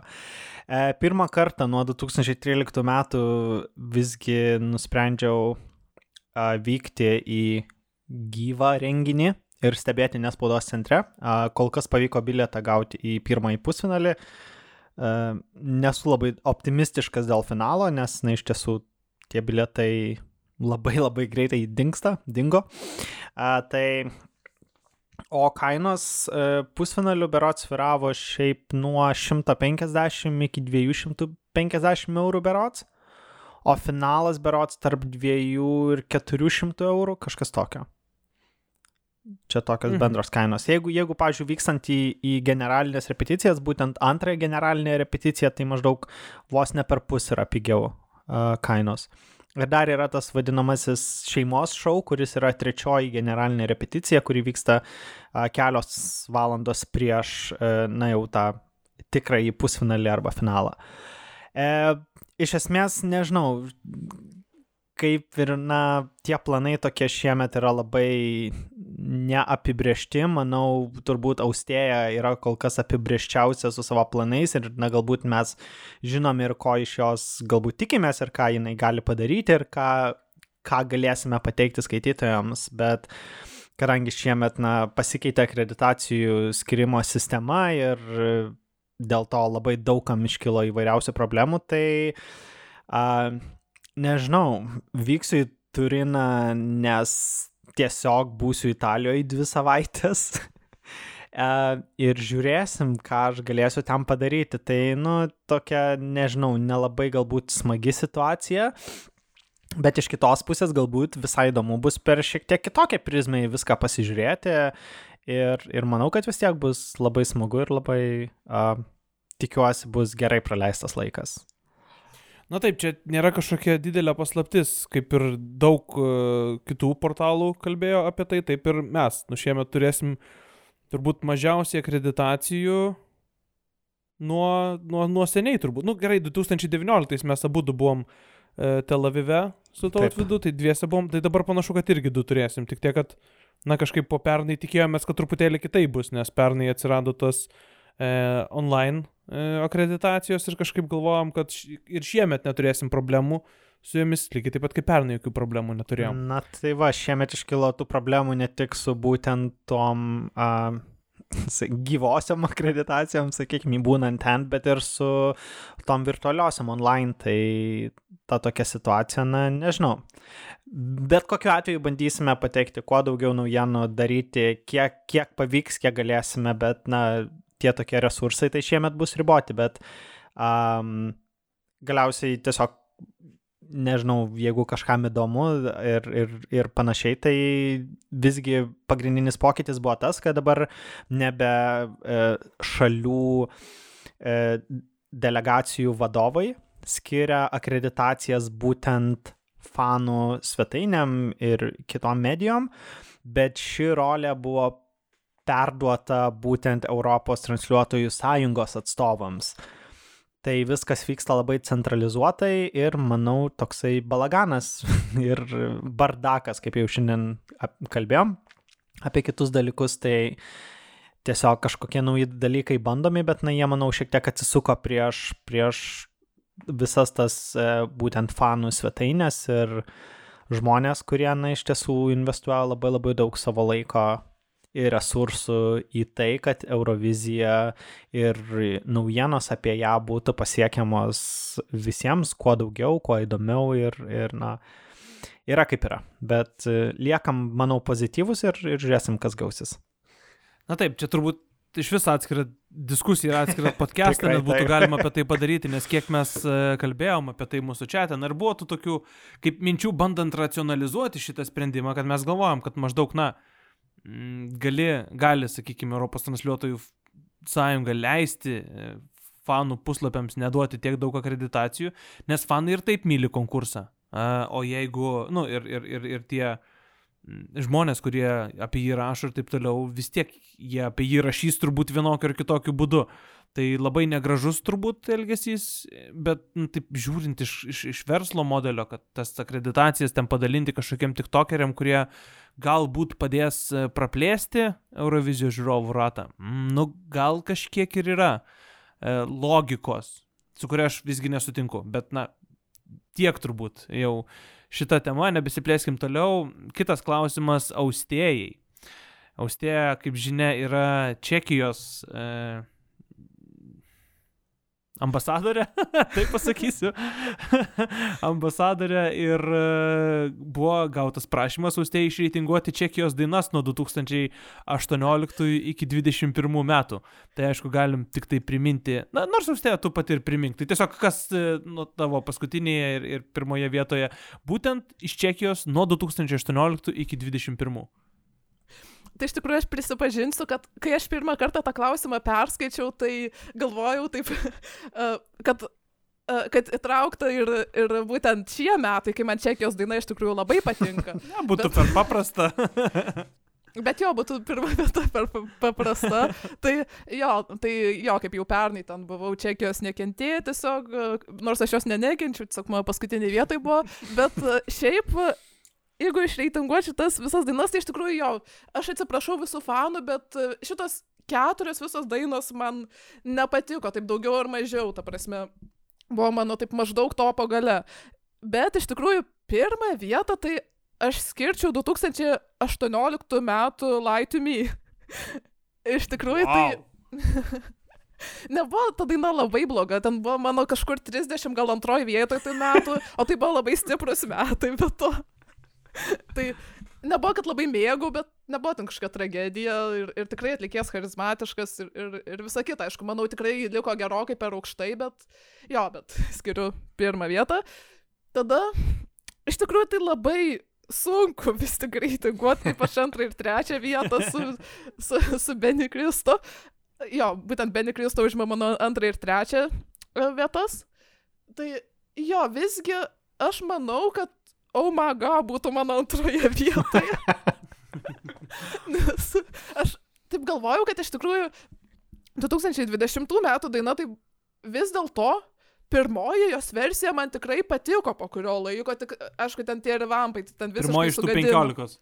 15. Jo, jo. Paskui tos kitos tai, tai visiškai sugadino, aš nesupratau ten su tais instrumentalais, visais ypač ta antra gal versija, kur ten pridėjo ten kažkokių neaiškių ten gitarų ar kažko, tai aš nesupratau, kas vyko, man ties- tiesiog galvos skausmą varė, o paskui ten šiek tiek lyg ir vėl pagerino, bet jo, bet ta pirma versija tai iš tikrųjų visai nėra bloga, bet jeigu vertinant galutinę, tai aišku jau ir ta, į tą trečią vietą krenta, tai va, tai antroji vieta Omaga, e, trečioji Kemama ir tada ketvirtoji vieta, tai viskas čia yra labai aišku. Dėl šito tai net nesudvėjojau, tai būtų friend of a friend. Tiesiog visiškai... Ne, ne. Nepernešiau tos dainos niekada, aš atsiprašau visų, kurie mėgo, e, tarp jų aišku ir Justas, bet jo, tai va.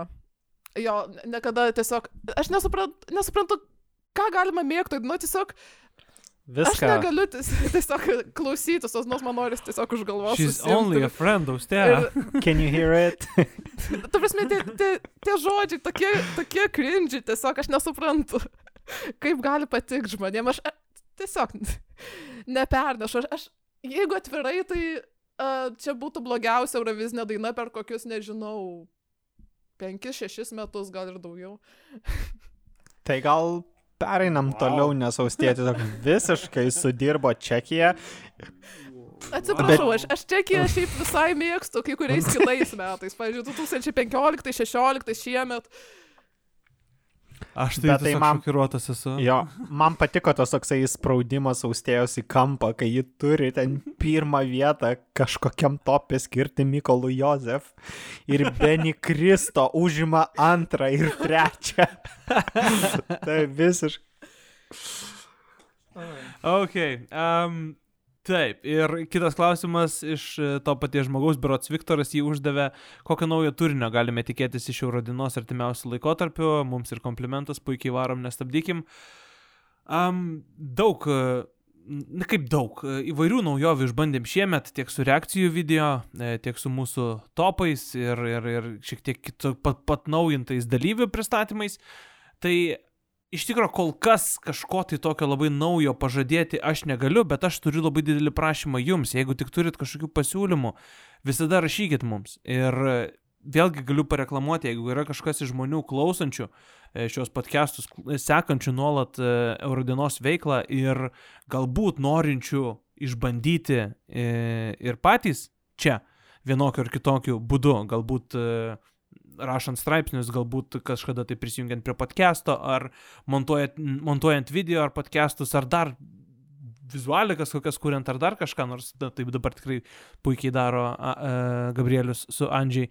Tai irgi kviečiu tą padaryti, jeigu tik norit prisijungti prie Eurodinos, tai na, aišku, vasara yra neblogas laikas tiesiog apšilti, pasibandyti kažkokiais tai tokiais Uh, mažiau skubiais gal straipsniais, pavyzdžiui, jeigu kalbam apie straipsnių rašymą, bet sakau, tikrai, jeigu domina, parašykit ir uh, papildymo turbūt uh, ir, ir tas idėjas įgyvendinant būtų naudos iš papildymo ir, ir, ir tiesiog priimtume dar į šeimą vieną kitą žmogų tikrai. Um, toliau, Elzės, trys klausimai. Pirmas, Soldi ar Brividi? Čia aišku apie Mahmudo dainas kalbame. Ir e, jos yra tokios skirtingos, kad jas taip sunku įvertinti, bet aš turbūt visgi rinkčiausi Soldi. Bet net negaliu argumentuoti. Man abi, abi jos patinka, bet Soldi šiek tiek gal unikalesnė yra, e, bent jau man. Tautvidai, tu ką rinktumės? Um, Brividį. Mhm. Užtė? Aš tai rinkčiausi soldi, tikrai. Uh, ta prasme, jos abi yra geros šiaip, bet kaip jau sakiau, nesu labai didelė fanė Brividi. Uh, Soldi gal nebuvo tiek fanė kaip kai kurie kiti, mano ten berots aštuntoji vietoje kažkur buvo, tai iš tikrųjų jo labai patiko, bet ten gal ne tai, kad ten pirmoji ar kažkaip, bet jo, labai tiesiog smagi daina, tokia, kurią įsivaizduočiau net, pavyzdžiui, visokiose ten uh, vakarinėse programuose Egipte, kadangi ten nekartą buvau, tai vėlgi čia apie savo keliones, bet jo, turėjau tai pasakyti. Um, ok, e, šiemet e, taip pat e, Elze klausė, šiais metais neturime dainos prancūzų kalba. Kokia reakcija į tai? Ar buvom nustebę? Tai iš tikrųjų labai keista. Ir jeigu kas netkreipė dar dėmesio, tai iš tiesų pernai mes penketuke e, turėjom netgi dvi prancūziškas dainas, o šiemet e, tai yra berots pirmas kartas Eurovizijos istorijoje, kada nei vienos prancūziškos dainos nėra, kadangi e, niekas iš užsienio šalių e, nepasirinko šitos kalbos, o patys prancūzai dainuoja bretonų kalba. Mm, Tai iš tikrųjų stebinantis faktas, bet na, nežinau, yra kaip yra. Užtat turim bretonų kalbą, užtat turim lietuvių kalbą, užtat turim olandų kalbą. Tai su kalbom manau, kad šiais metais Eurovizijos situacija tikrai labai gera yra. Ar norit kažkas kažką pridėti? Aš gal pridėčiau dar šiek tiek jo, kad uh, A, Tai šiek tiek gal keista būtent dėl to, kad pernai ne tik, kad turėjom dvi prancūziškas dainas, bet dar ir viena iš jų užėmė antrą, kitą, trečią vietą. Tai šiek tiek gal ir keista dėl to. Bet, bet jo, iš kitos pusės, tai vis tiek turim tų uh, gimtųjų kalbų, net ir iš tų šalių, kurios seniai jau nedainavo gimtają kalbą, ta pati Lietuva ar, ar Niderlandai. Aš tai tiesiog prisiminiau tą faktą, kad 2011 metais Lietuva buvo ta šalis, kuri išgelbėjo konkursą nuo dar vieno varianto, dar vieno konkurso be prancūzų kalbos su savo dviem prancūziškom eilutėm. Tai tiek. Semavi. Ir trečias Elizas klausimas, kuris iš tikrųjų labai įdomus buvo, reikėjo labai pasukti galvą. Um, įvardinkite bet kurių metų dainą, kuri liko antroje arba trečioje vietoje galutinėje finalo lentelėje, bet jūs manėte, kad ji buvo vertesnė nugalėti nei laimėtojas. Um, tai aš į šitą uh, klausimą žiūrėjau per šitą prizmę, kad iš pradžių ieškojau man ne iki galo patikusių nugalėtojų. Tai numeris vienas ir numeris du labai artimas būtų 2008 Bilanas su Believe ir 2011 Azerbaidžianas, bet e, Bilaną 2008 aš keiščiau į Serbiją arba į Portugaliją. E, dainas Oro arba e, Senjora Domar, bet jos neužėmė antros trečios vietos, tai kaip ir netinka. E, Bet todėl aš rinkčiausi 2.11 Azerbaidžianą, e, meščiau lauk Running Scared, labai man šita daina neįsipaišo į Eurovizijos pastarųjų daug metų jau nugalėtojų kontekstą. Ir meščiau lauk juos ir atiduočiau tą pergalę antroje vietoje likusiam italui Rafaelo Gualaci. e vedrai un'altra te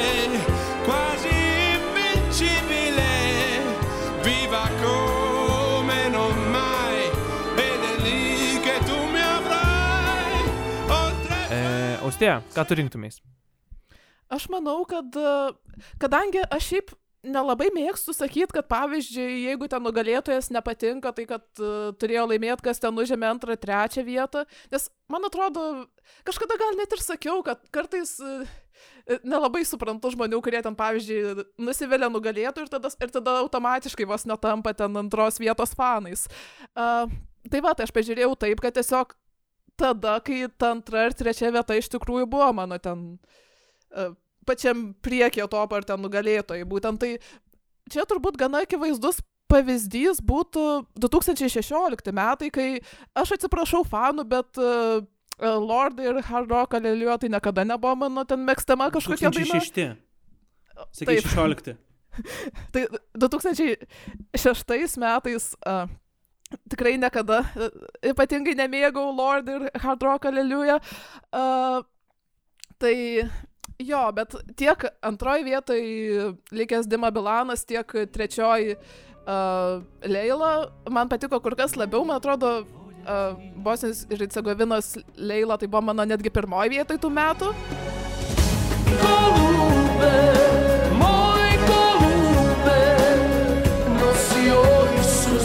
Mjesto pjesme Ja odlazim ko da sam kriv Što volim onu koju ne smije Jo, tai man atrodo, būtent šitą dainą manau, kad ir turėjo laimėti iš tikrųjų.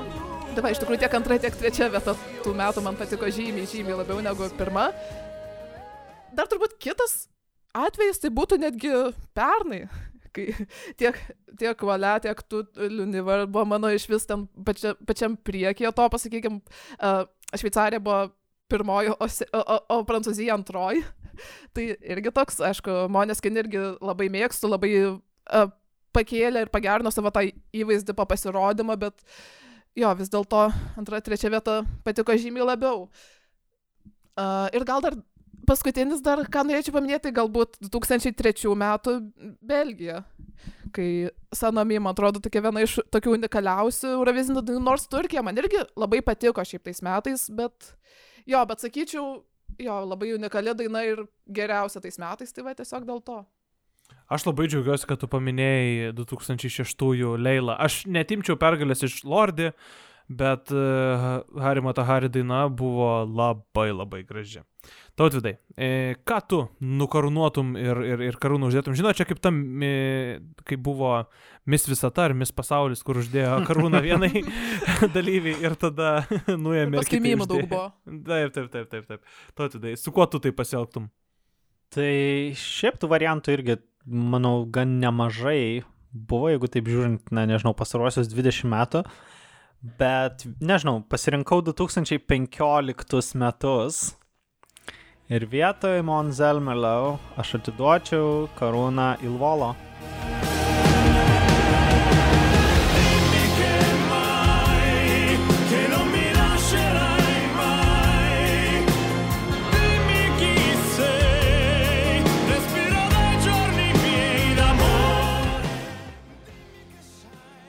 Tyla studijoje. Gerbėjai ir klausytojai apšalę ir šokę. A, e, ne, nežinau, tiesiog vat, iš karto į galvą būtent tie metai atėjo. Nieko prieš Monsa ir Heroes tikrai geras, kokybiškas kūrinys, kuris laimėjo ir nieko ten labai a, daug klaustukų dėl to nekilo, bet visgi kaip daina man būtent Grande Amore patiko daug, daug labiau. Man 15 irgi buvo toks kaip ir variantas, bet aš būčiau irgi keitęs ne į antrą ir ne trečią vietą, aš būčiau pergalę davęs Belgijai su Rhythm Inside arba Latvijai su Love Injected. Tai irgi įdomus, aišku, variantas. E, Gerai, važiuojam toliau. Nikas klausė, kuri iš Europos transliuotojų sąjungos narių arba asocijuotų narių šiuo metu nedalyvaujančių Eurovizijoje labiausiai norėtume pamatyti konkurse, tiek iš jau dalyvavusių, tiek ir nedalyvavusių. Ir kurios šalies dalyvavimas sugrįžimas jūsų manimų labiausiai tikėtinas.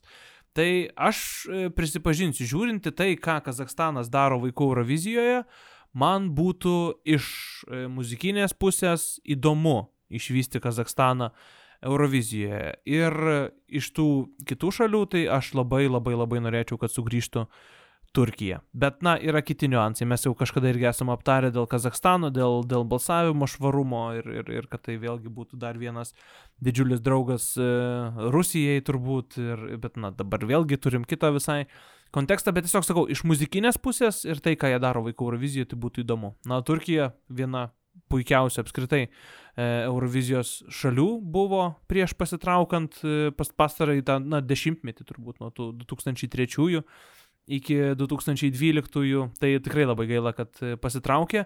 Ir kiekvienais metais vis yra kažkokių gandų, kad Turkija grįž. Tai čia turbūt nelabai įmanoma nuspėti, kieno sugrįžimo labiausiai mes, e, labiausiai tikėtinas, kuris sugrįžimas. Bet gal, gal, ar, ar, ar aš klystu, kažkas lyg ir sakė, kad 23 tai jau grįž turkai, bet vėlgi, tas labai turbūt greit gali pasikeisti. Uh, Austėja, ką tu atsakytum Nikui? Aš manau, kad aš norėčiau Andorą išskirti dar šiek tiek, a, kad lyg ir kažkokie vėlgi gandai buvo, kad a, lyg ir Andorą norėjo grįžti, prisiminkim, kad a, jų 2009 metų atstovė Susana Džordži lyg ir yra tokia, sakykime, ambasadorė to to grįžimo Andoros Euroviziją, ten lyg ir buvo kalbos, kad dėl pandemijos jie kol kas negrįžo, o, o lyg ir planuoja.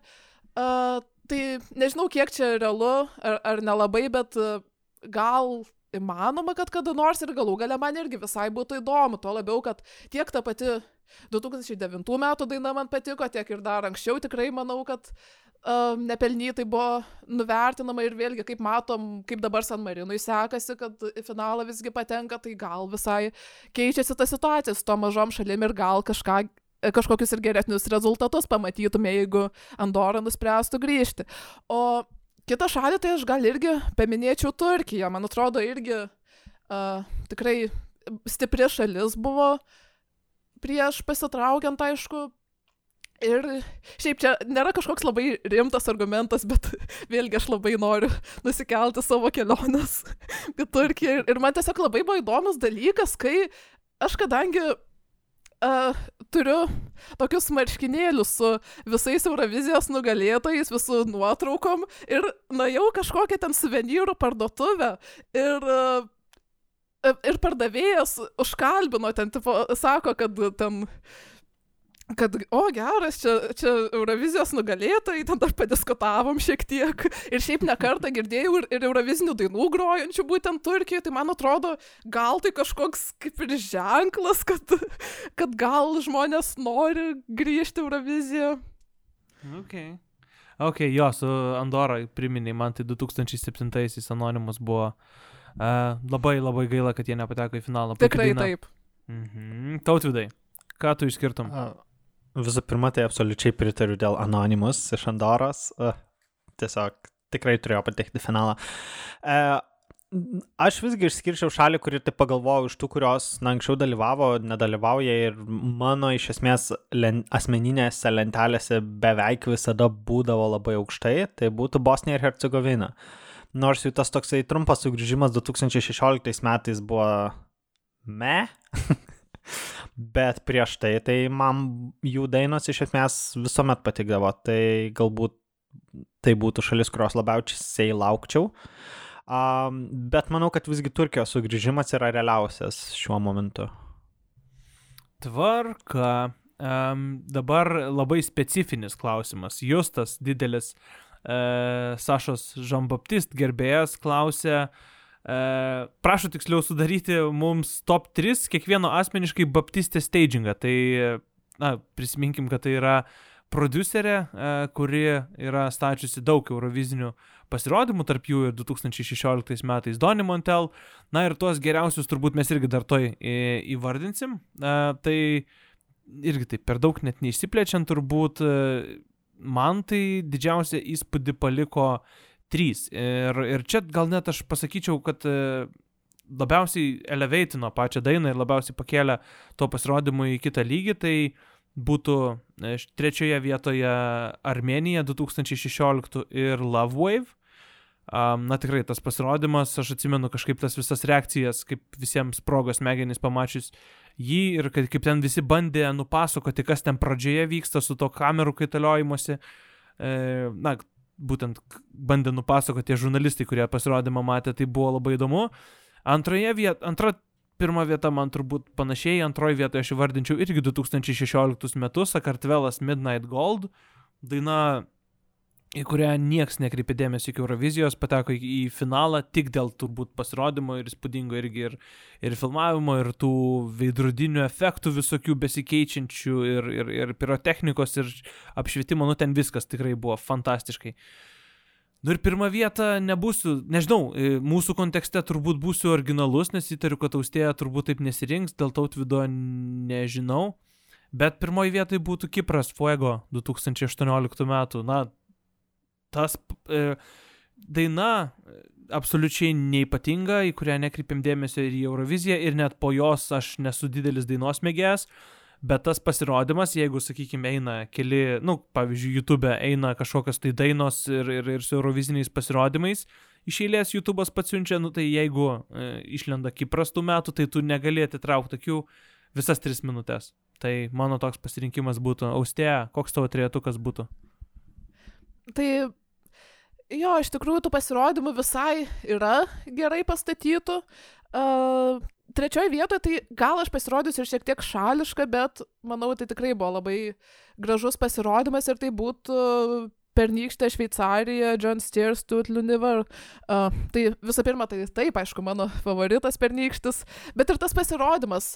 Uh, man atrodo, kad tai buvo labai įdomus pasirodymas, labai nežinau, kiek tai, sakykime, atlikėjas jautėsi ten sav, sav, savo batose, ar, ar kaip įvardinti, bet tai, man atrodo, atrodė labai gražiai, labai įdomiai.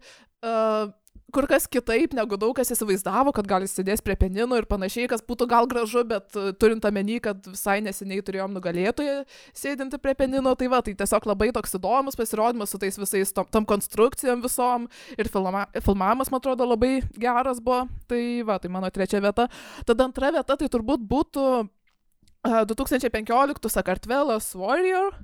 Uh, jo, ir, iš tikrųjų tai atrodo nieko ten tokio labai nebuvo, bet man labai gražiai susižiūrėjo tiek, tiek atlikėjos apranga visa, uh, tiek tas filmavimas, toks, tiek tie dūmai, kur ten, aišku, per pusvinulį tai šiek tiek per daug tų dūmų buvo, bet uh, man atrodo labai taip skoningai, taip stilingai atrodė viskas. Tai nusprendžiau išskirti. Taip, nelabai galėčiau taip tiksliai argumentuoti, kodėl būtent, bet jo atrodė labai profesionaliai ir labai gerai. O pirmoje vietoje tai būtų jau jūs to minėta Armėnija 2016 metų ir daina Love Wave. Tai jo, iš tikrųjų labai irgi nustebino ta atmosfera visa.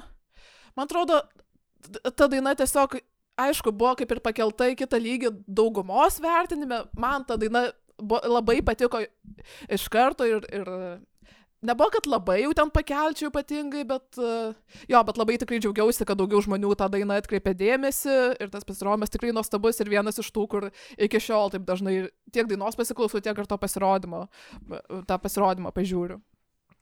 Mhm. Tautvidai, ar tu esi baptistės fanas? A, anksčiau buvau labiau. Dabar manau, kad, na, šiek tiek galbūt išsisėmė su savo idėjomis ir, na, sakykime, nežinau, tokie pasirodymai kaip pernai metų Sakartvelas ar 2017 metų Australija, tai, na, nežinau, kažkokio įspūdžio absoliučiai nepaliko iš tiesų. E, kalbant apie visgi geriausius, tai trečią vietą e, aš skyriau Sakartvelui 2015 metų, na, kaip ir austėjau minėjau, Warrior.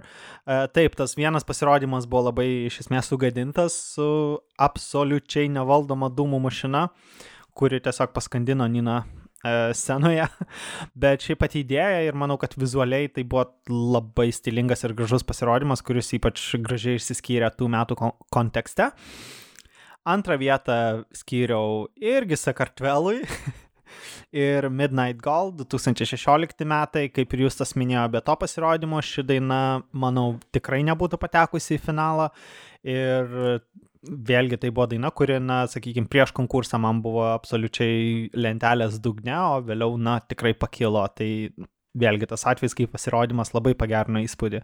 Bet pirmą vietą aš skirčiau dainai, kurią, na, šiandien dar prisiminiau, kad tai, kai mes pradėjome vertinimus tais metais, tai buvo viena iš pirmųjų dainų, kurią pakomentavau, parašiau berots ketvirtą. E, mano asmeninėje lentelėje buvo dugne, na tiesiog turbūt e, tarp penkių praščiausiai mano, nežinau, vertintų dainų. Absoliučiai negalėjau pakesti tos dainos, bet būtent nuo, nuo to pirmojo pusfinalio, kai pamačiau šį pasirodymą, tai nežinau, absoliučiai buvau apstulbęs, apšalęs. E, jeigu bet kas iš, iš, nežinau, iš draugų rato arba pažįstamus manęs paprašytų tiesiog parodyti vieną Eurovizinį pasirodymą, tai būtų tas pasirodymas, kurį aš parodyčiau ir kurį rodau visiems ir aiškinu, kaip sudėtinga tai padaryti, bet kaip nuostabiai tai buvo padaryta. Ir kalbu tai apie Love Wave, apie Armenijos Love Wave. Absoliučiai dievinu tą pasirodymą nuo pirmos iki paskutinės sekundės. Tai buvo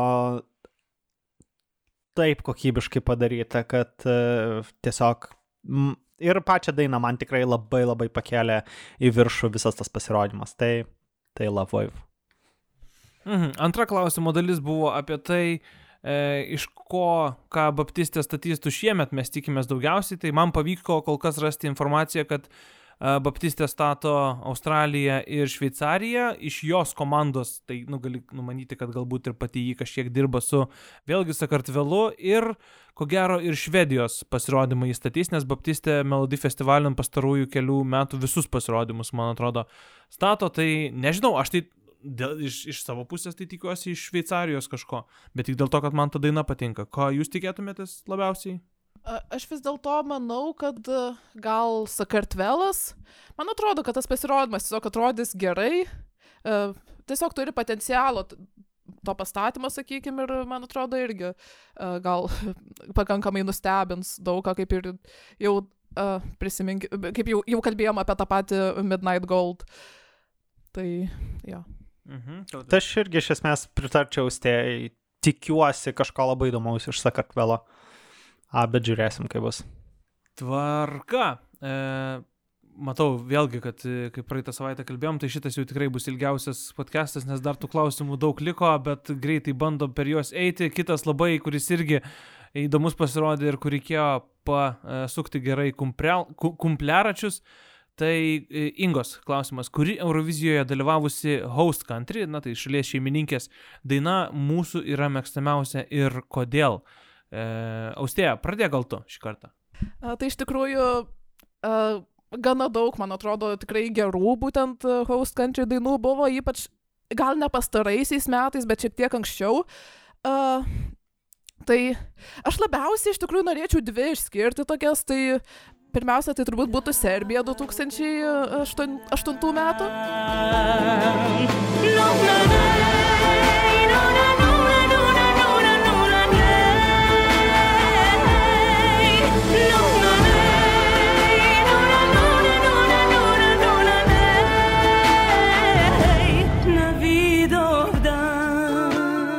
Visiškai my- myliu tą dainą, labai nuostabus balkaniški motyvai, balkaniškos baladės iš a, maždaug to dešimtmečio ar, ar sekančio dešimtmečio a, pirmoji pusė. Tai buvo kažkas nuostabaus. A, tai a, jo, čia vė- vėlgi turbūt šita daina gal netgi geriausia, gal netgi kartu su, pažiūrėjau, kokia Serbija 2012 tokio žanro būtent dainų. Aišku, ir daugiau buvo tikrai nuostabių, bet tiesiog myliu šitą dainą. Tas instrumentalas yra, aš nesuprantu, kaip iš vis galima kažką tokio gražaus sukurti ir tiesiog labai gaila, kad net neliko penketukė, pavyzdžiui, tokiais, sakyčiau, silpnais metais. Ir turbūt kita daina, tu prasme, būtent uh, Serbija tai labai myliu, iki šiol visada mylėjau, bet tai būtent gal šiek tiek anksčiau, ten maždaug kokiais ten 2014-2015, kai aš ten retrospektyviai su vis, vis, visom ten ankstesnėm euroviziniam dainom susipažinau, tai gal uh, tada tiesiog labai kažkaip įsimylėjau ir iki šiol, o kita daina tai būtų Suomija 2007 metų, kuri tiesiog visada ją irgi mėgau, bet kažkaip pastaruoju metu kažkodėl sugalvojau va čia paklausyti kažkada ir labai užkabino, man atrodo, nuostabi daina, kuri turi tam tikrą ir, ir žinutę, ir tą tokią nuotaiką savo, uh, tokią pakankamai e, specifinę ir pakankamai tokia paliečianti daina ir, ir man atrodo tikrai kur kas geresnė negu ta daina, su kuria Suomija laimėjo. Suomijos žinutė, leave me alone, I wanna go home. I don't wanna see you, so leave me alone. Austėja kažkaip paskutiniu metu sakė, jeigu patinka, tai gal kažkokių nuotaiką gal reikės kažkaip pakelti. Mes gal per Velyką susitiksim va visi ir pasišnekėsim. Tautvidai, ką tu išskirtum? Tai pritarsiu, kad ties, tikrai buvo labai nemažai dainų būtent iš šalių šeimininkų, kurios buvo tikrai labai geros, bet e, išskiriant tiesiog vieną, tai būtų ta, kuri buvo ir tų metų mano tiesiog asmeninė favoritė. Tai 2006 metai Graikija, Anavisi ir Everything. Baby,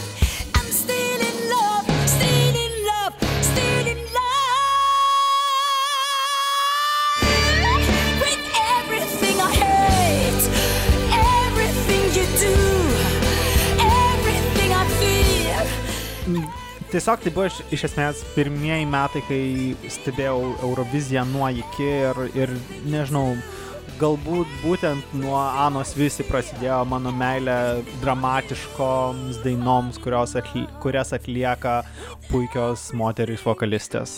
Tai, tai už tai galbūt taip stipriai ir strigo, bet, na, nežinau, man, man labai labai patiko visas pasirodymas, e, vokalas ir galbūt dar tas ir palaikymas iš publikos, na, paliko labai labai gerą įspūdį. Aha, tai paminėjot, žodžiu, ir Serbija 2008, apie kurią aš galvojau, ir Graikija tą pačią 2006. A, Nepaminėjot Portugalijos 2018, kuri, nu, man tai irgi, aišku, lygina, lyginant, sakykime, su va šitom kitom, gal truputėlį ir nublanksta, bet tikrai iš pastarųjų, vat, e, na, beveik turbūt 10 metų viena geriausių man uh, host entries ir e, prieš 10 metų buvo uh, Azerbaidžiano labai puikiai When the Music Dies ir Lena 2011 irgi buvo puikiai, bet aš nusprendžiau uh, paišdikauti ir duosiu tą variantą, kurio turbūt apie kurį nieks ne, ne, net negalvoja. Ir aš išskirsiu 2004 Turkiją, Athena ir For Real.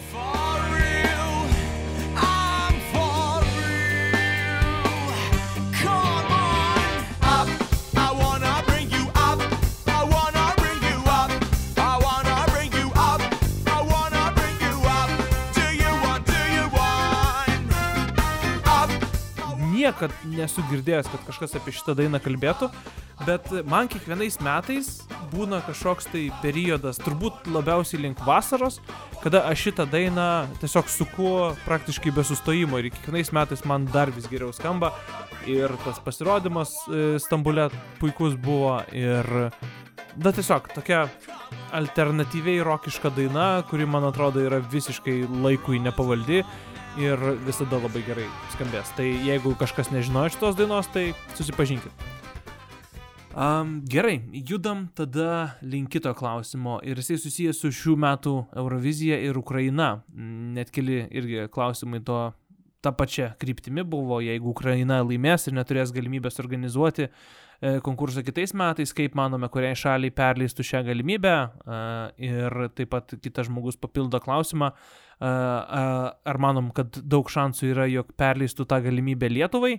Tai į antrą klausimą aš atsakyčiau, kad turbūt mažai šansų, kad Lietuvai perleistų, visgi turbūt rinktųsi e, arba iš Big Five šalių, tai yra, nu turbūt, kad gal, gal kokia jungtinė karalystė rengtų, kurioje jau senokai nevyko Eurovizija ir kuri dažnai rengia visokius tokius e, su Eurovizija susijusius neįprastus renginius, kaip ten, sakykime, 60-asis Eurovizijos e, šventimas arba šokio Eurovizijos vyko vis jungtinėje karalystėje.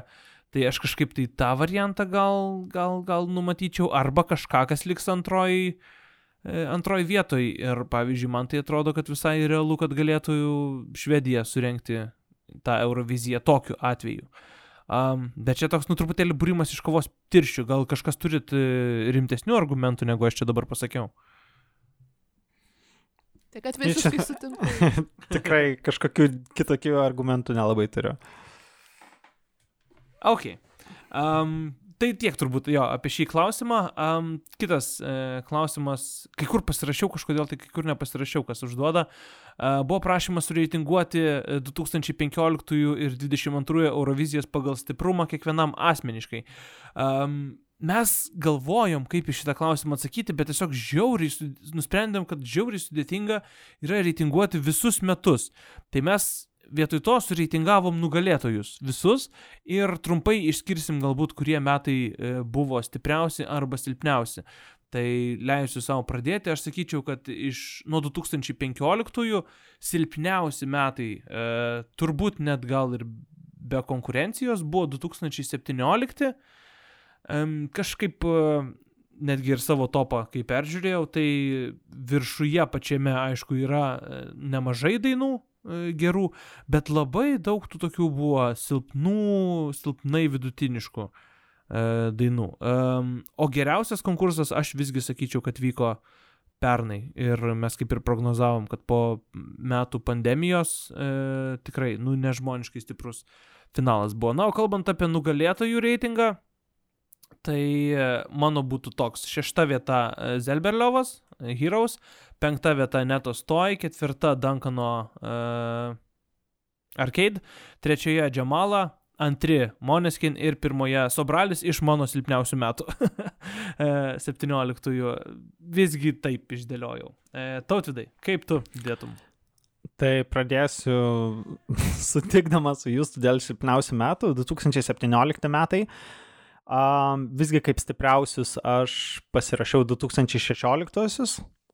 Um, o kalbant apie nugalėtojus, tai irgi šešta vieta Mons, penkta vieta Neta, ketvirta vieta Moneskin, uh, trečia vieta Salvadoras Sobralis, antra vieta Duncan Lawrence ir pirma vieta Džamala. Austėja. Uh, tai jo, iš tikrųjų, mano nuomonė šiek tiek išsiskiria šito klausimu. Dėl kurie metai silpniausia, tai aišku, čia sunku pasakyti, nes man atrodo, vis tiek dauguma tų metų turi savo ten e, labai gerų dainų, turi, turi ten arba labai blogų, arba ten blankių.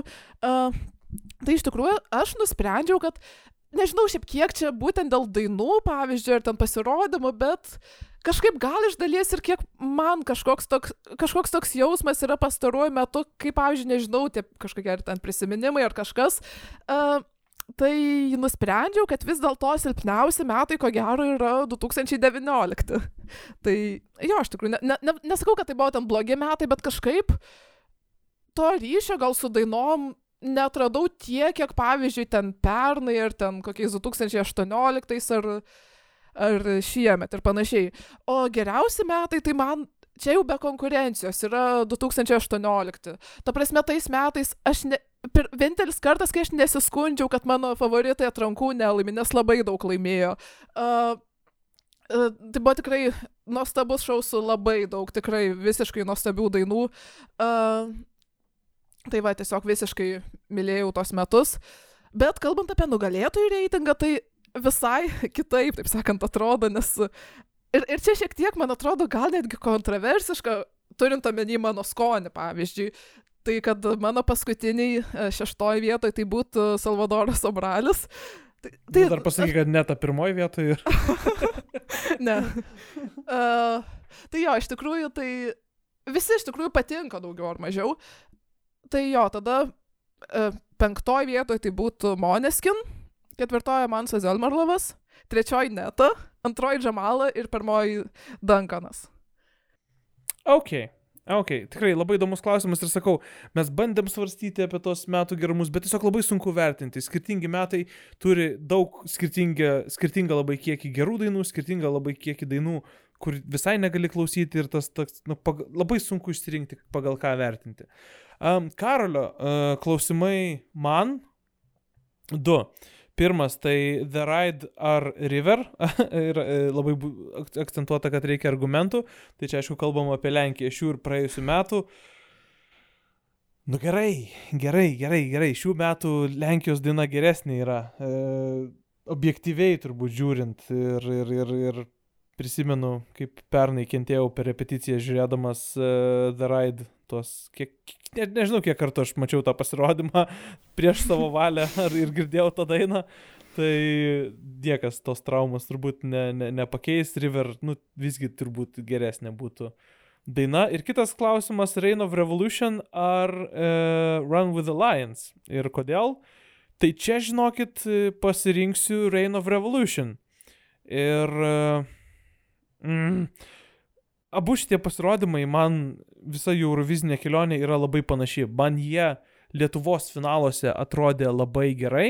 E, aišku, labai skirtingai, nes Reign of Revolution tai toks kaip alternatyvios tos Eurovizijos kampo e, buvo ir e, įdomiai ir išsiskyrė mūsų finale, tuo tarpu Run the Lions tiesiog labai kokybiškai kažkaip mūsų finale atrodė.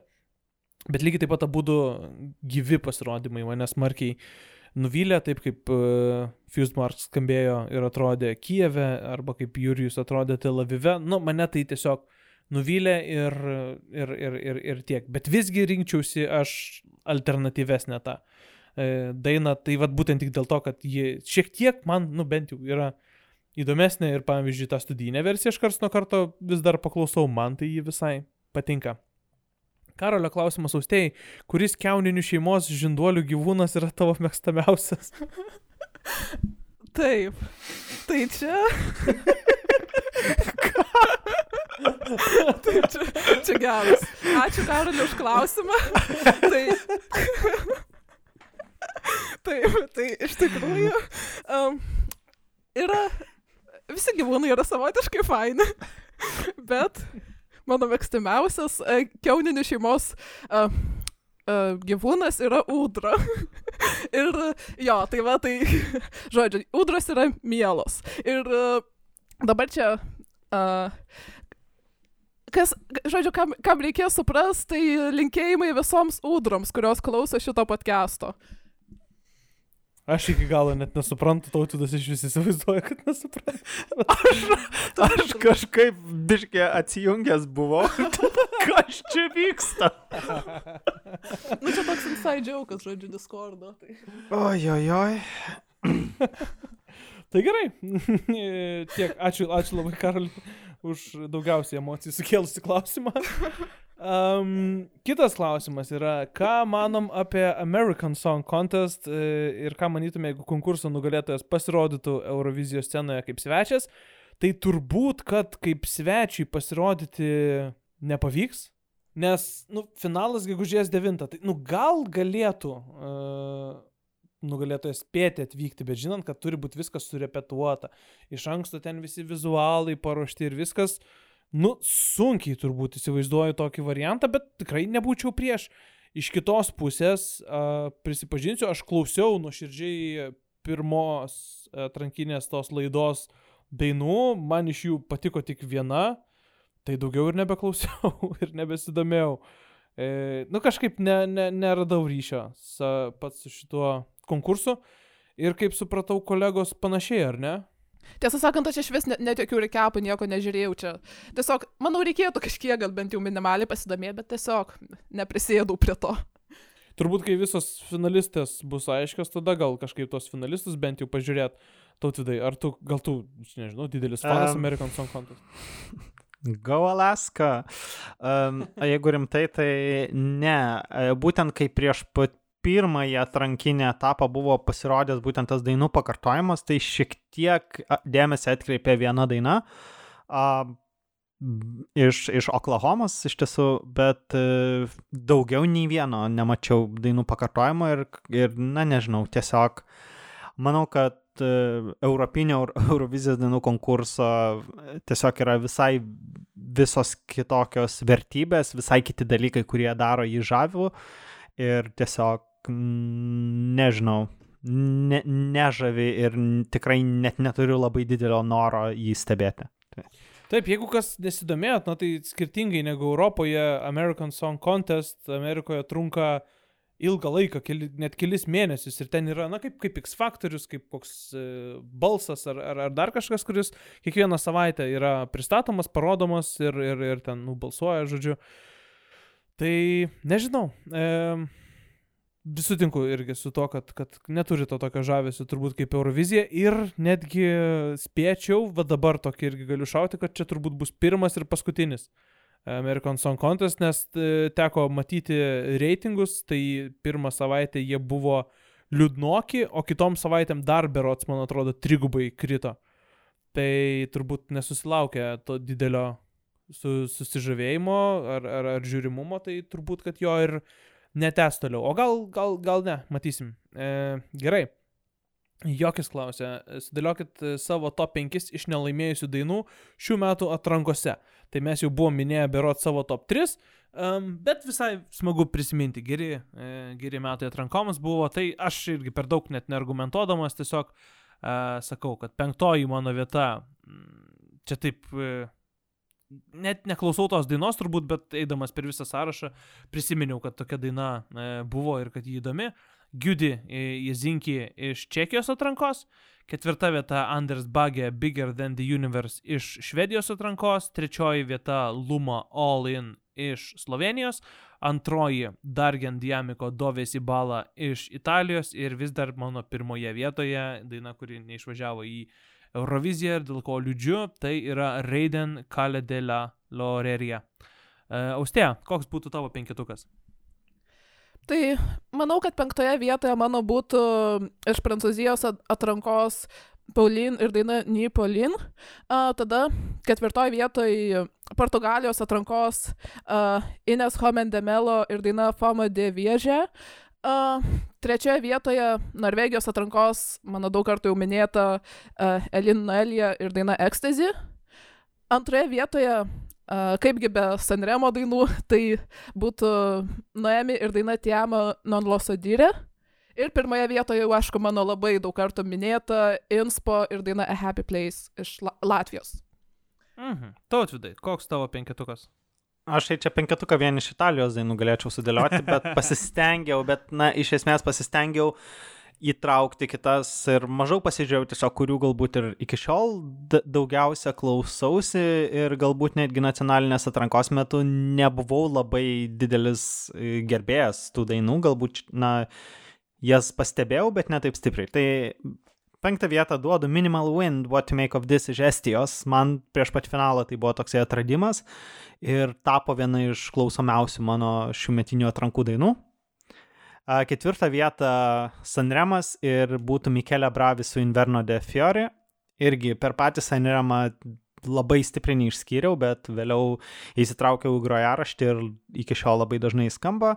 Trečią vietą duočiau LZB su Defovas. E, iš Norvegijos atrankos. Antrą vietą vėl grįžtam į Sanremą ir Emma su Onivolta Ekosi. A, irgi, a, tai buvo mano Sanremo favoritė, tarp kitko. A, kai mes vertinam dainas, Brividį skiriau tik, tik antrą vietą. Tai jo. O pirmą vietą, tai nežinau, turbūt nieko čia labai nenustebinsiu, bet tai būtų Rigoberta Bandinį ir daina Ai Mama.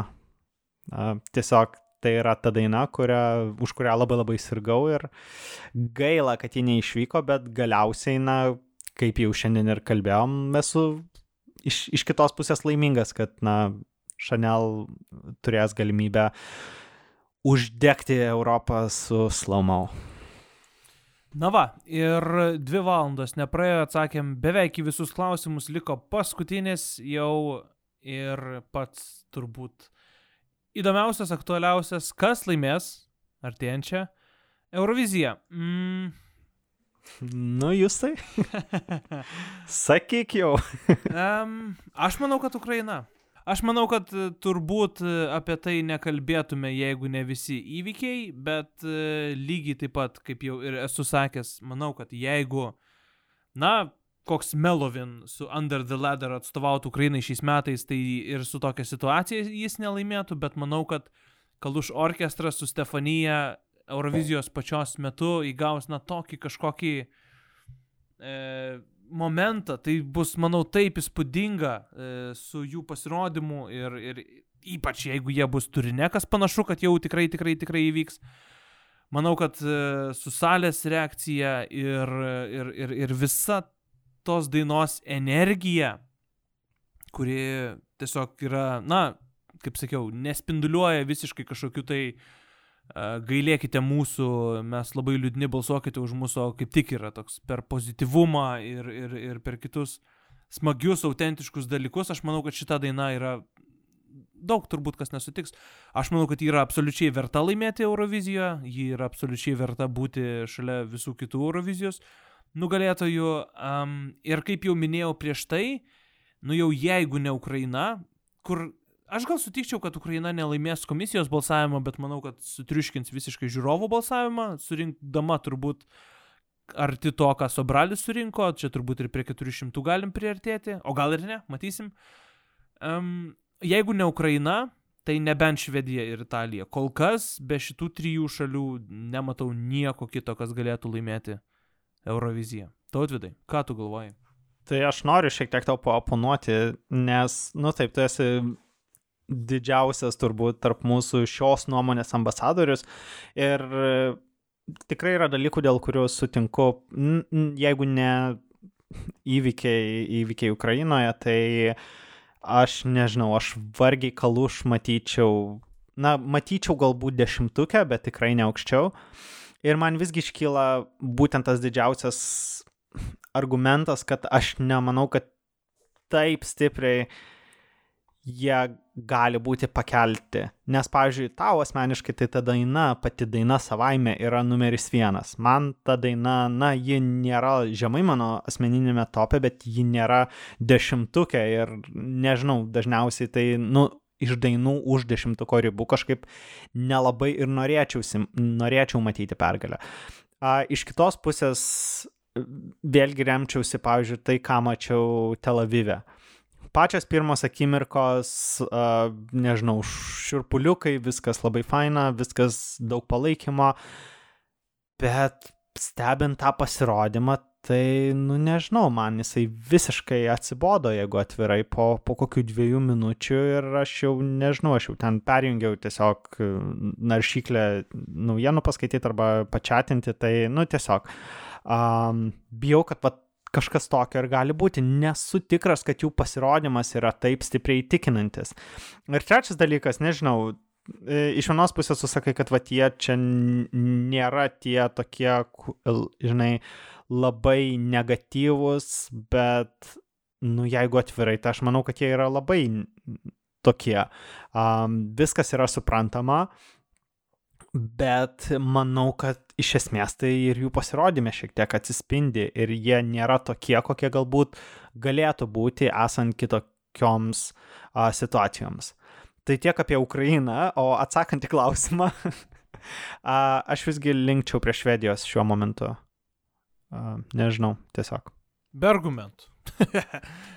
Be, nu, nu tai, ne, nu tai mes sutinkam, kad Nu taip. tos yra trys šalis. Ir jau minėjau prieš tai, kad nu, nelabai matau Italijos laimint, tai čia dabar nelabai matau Ukrainos laimint, nu tai Švedija. Tai atmetimo būdu, va, Ok. okay. argumentas.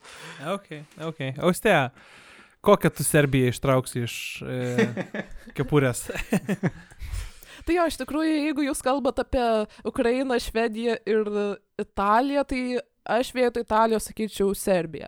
Bet šiaip, tai aš manau, kad jo, kad tikriausiai laimės arba Ukraina, arba Švedija, bet gal labiau ir visgi į tautvido pusę linkčiau ir sakyčiau, kad visgi Švedija, nes vėlgi gal tai ir lemia mano asmeninės simpatijos, man Ukrainos daina yra gera, bet tikrai nelaimėtoja ir mano topė tai net ne tai, kad už dešimtuko ribos, bet netgi 28 kokioje vietoje, man atrodo.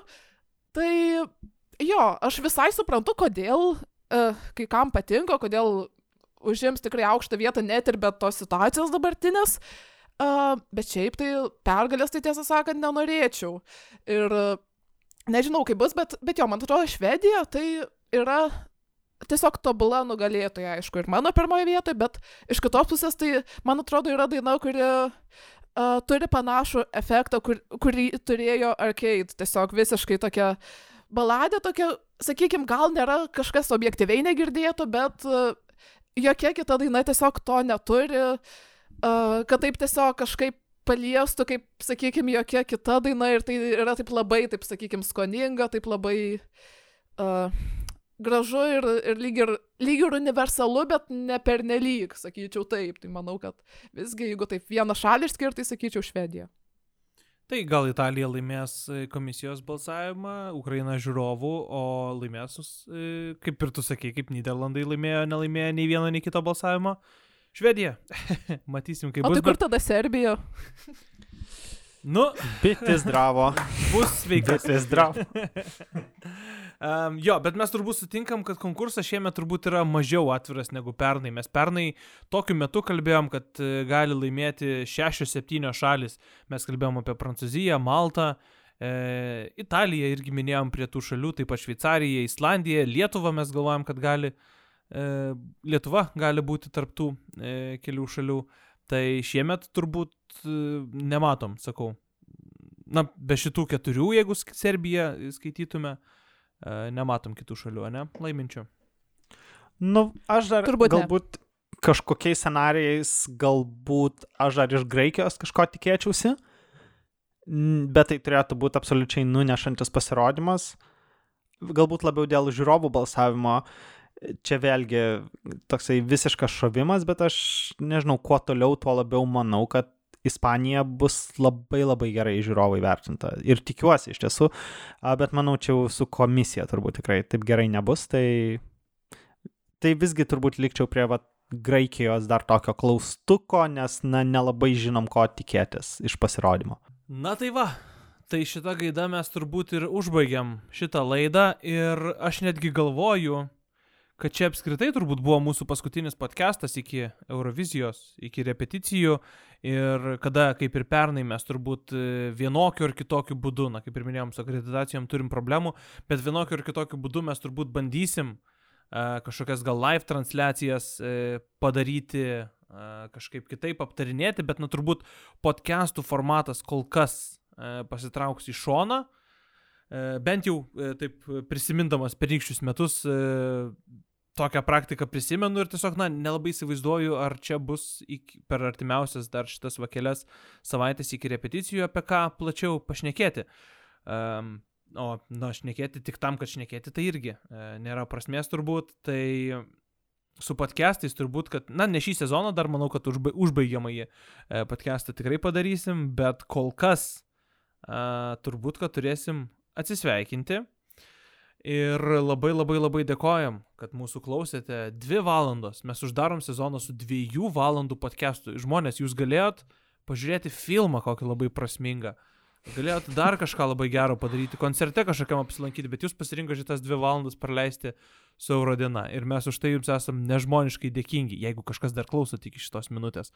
Um, tai tikrai labai labai labai jums ačiū, labai labai kad, ačiū, kad esat su mumis, sekit Eurodieną būtinai, būtinai e, Facebook'e, portale mūsų, e, YouTube'e, paspauskit subscribe, kur ten irgi keliam, ne, tai, tai, ir tai padės jums e, nepraleisti visų naujausių įrašų, kuriuos kelsim ten, o mes lekiam ruošti bakalaurų, lekiam ruošti po truputėlį lagaminų kai kas į Italiją ir sakau, kitais, e, kitais galais truputėlį e, su jumis toliau bendrausim ir komunikuosim, tai skaitykite Eurodieną, sekit mus e, Facebook'e ir susimatysim e, dabar jau ten. Tai tariam jums iki, iki greito. Iki visiems. Ačiū labai visiems. Iki.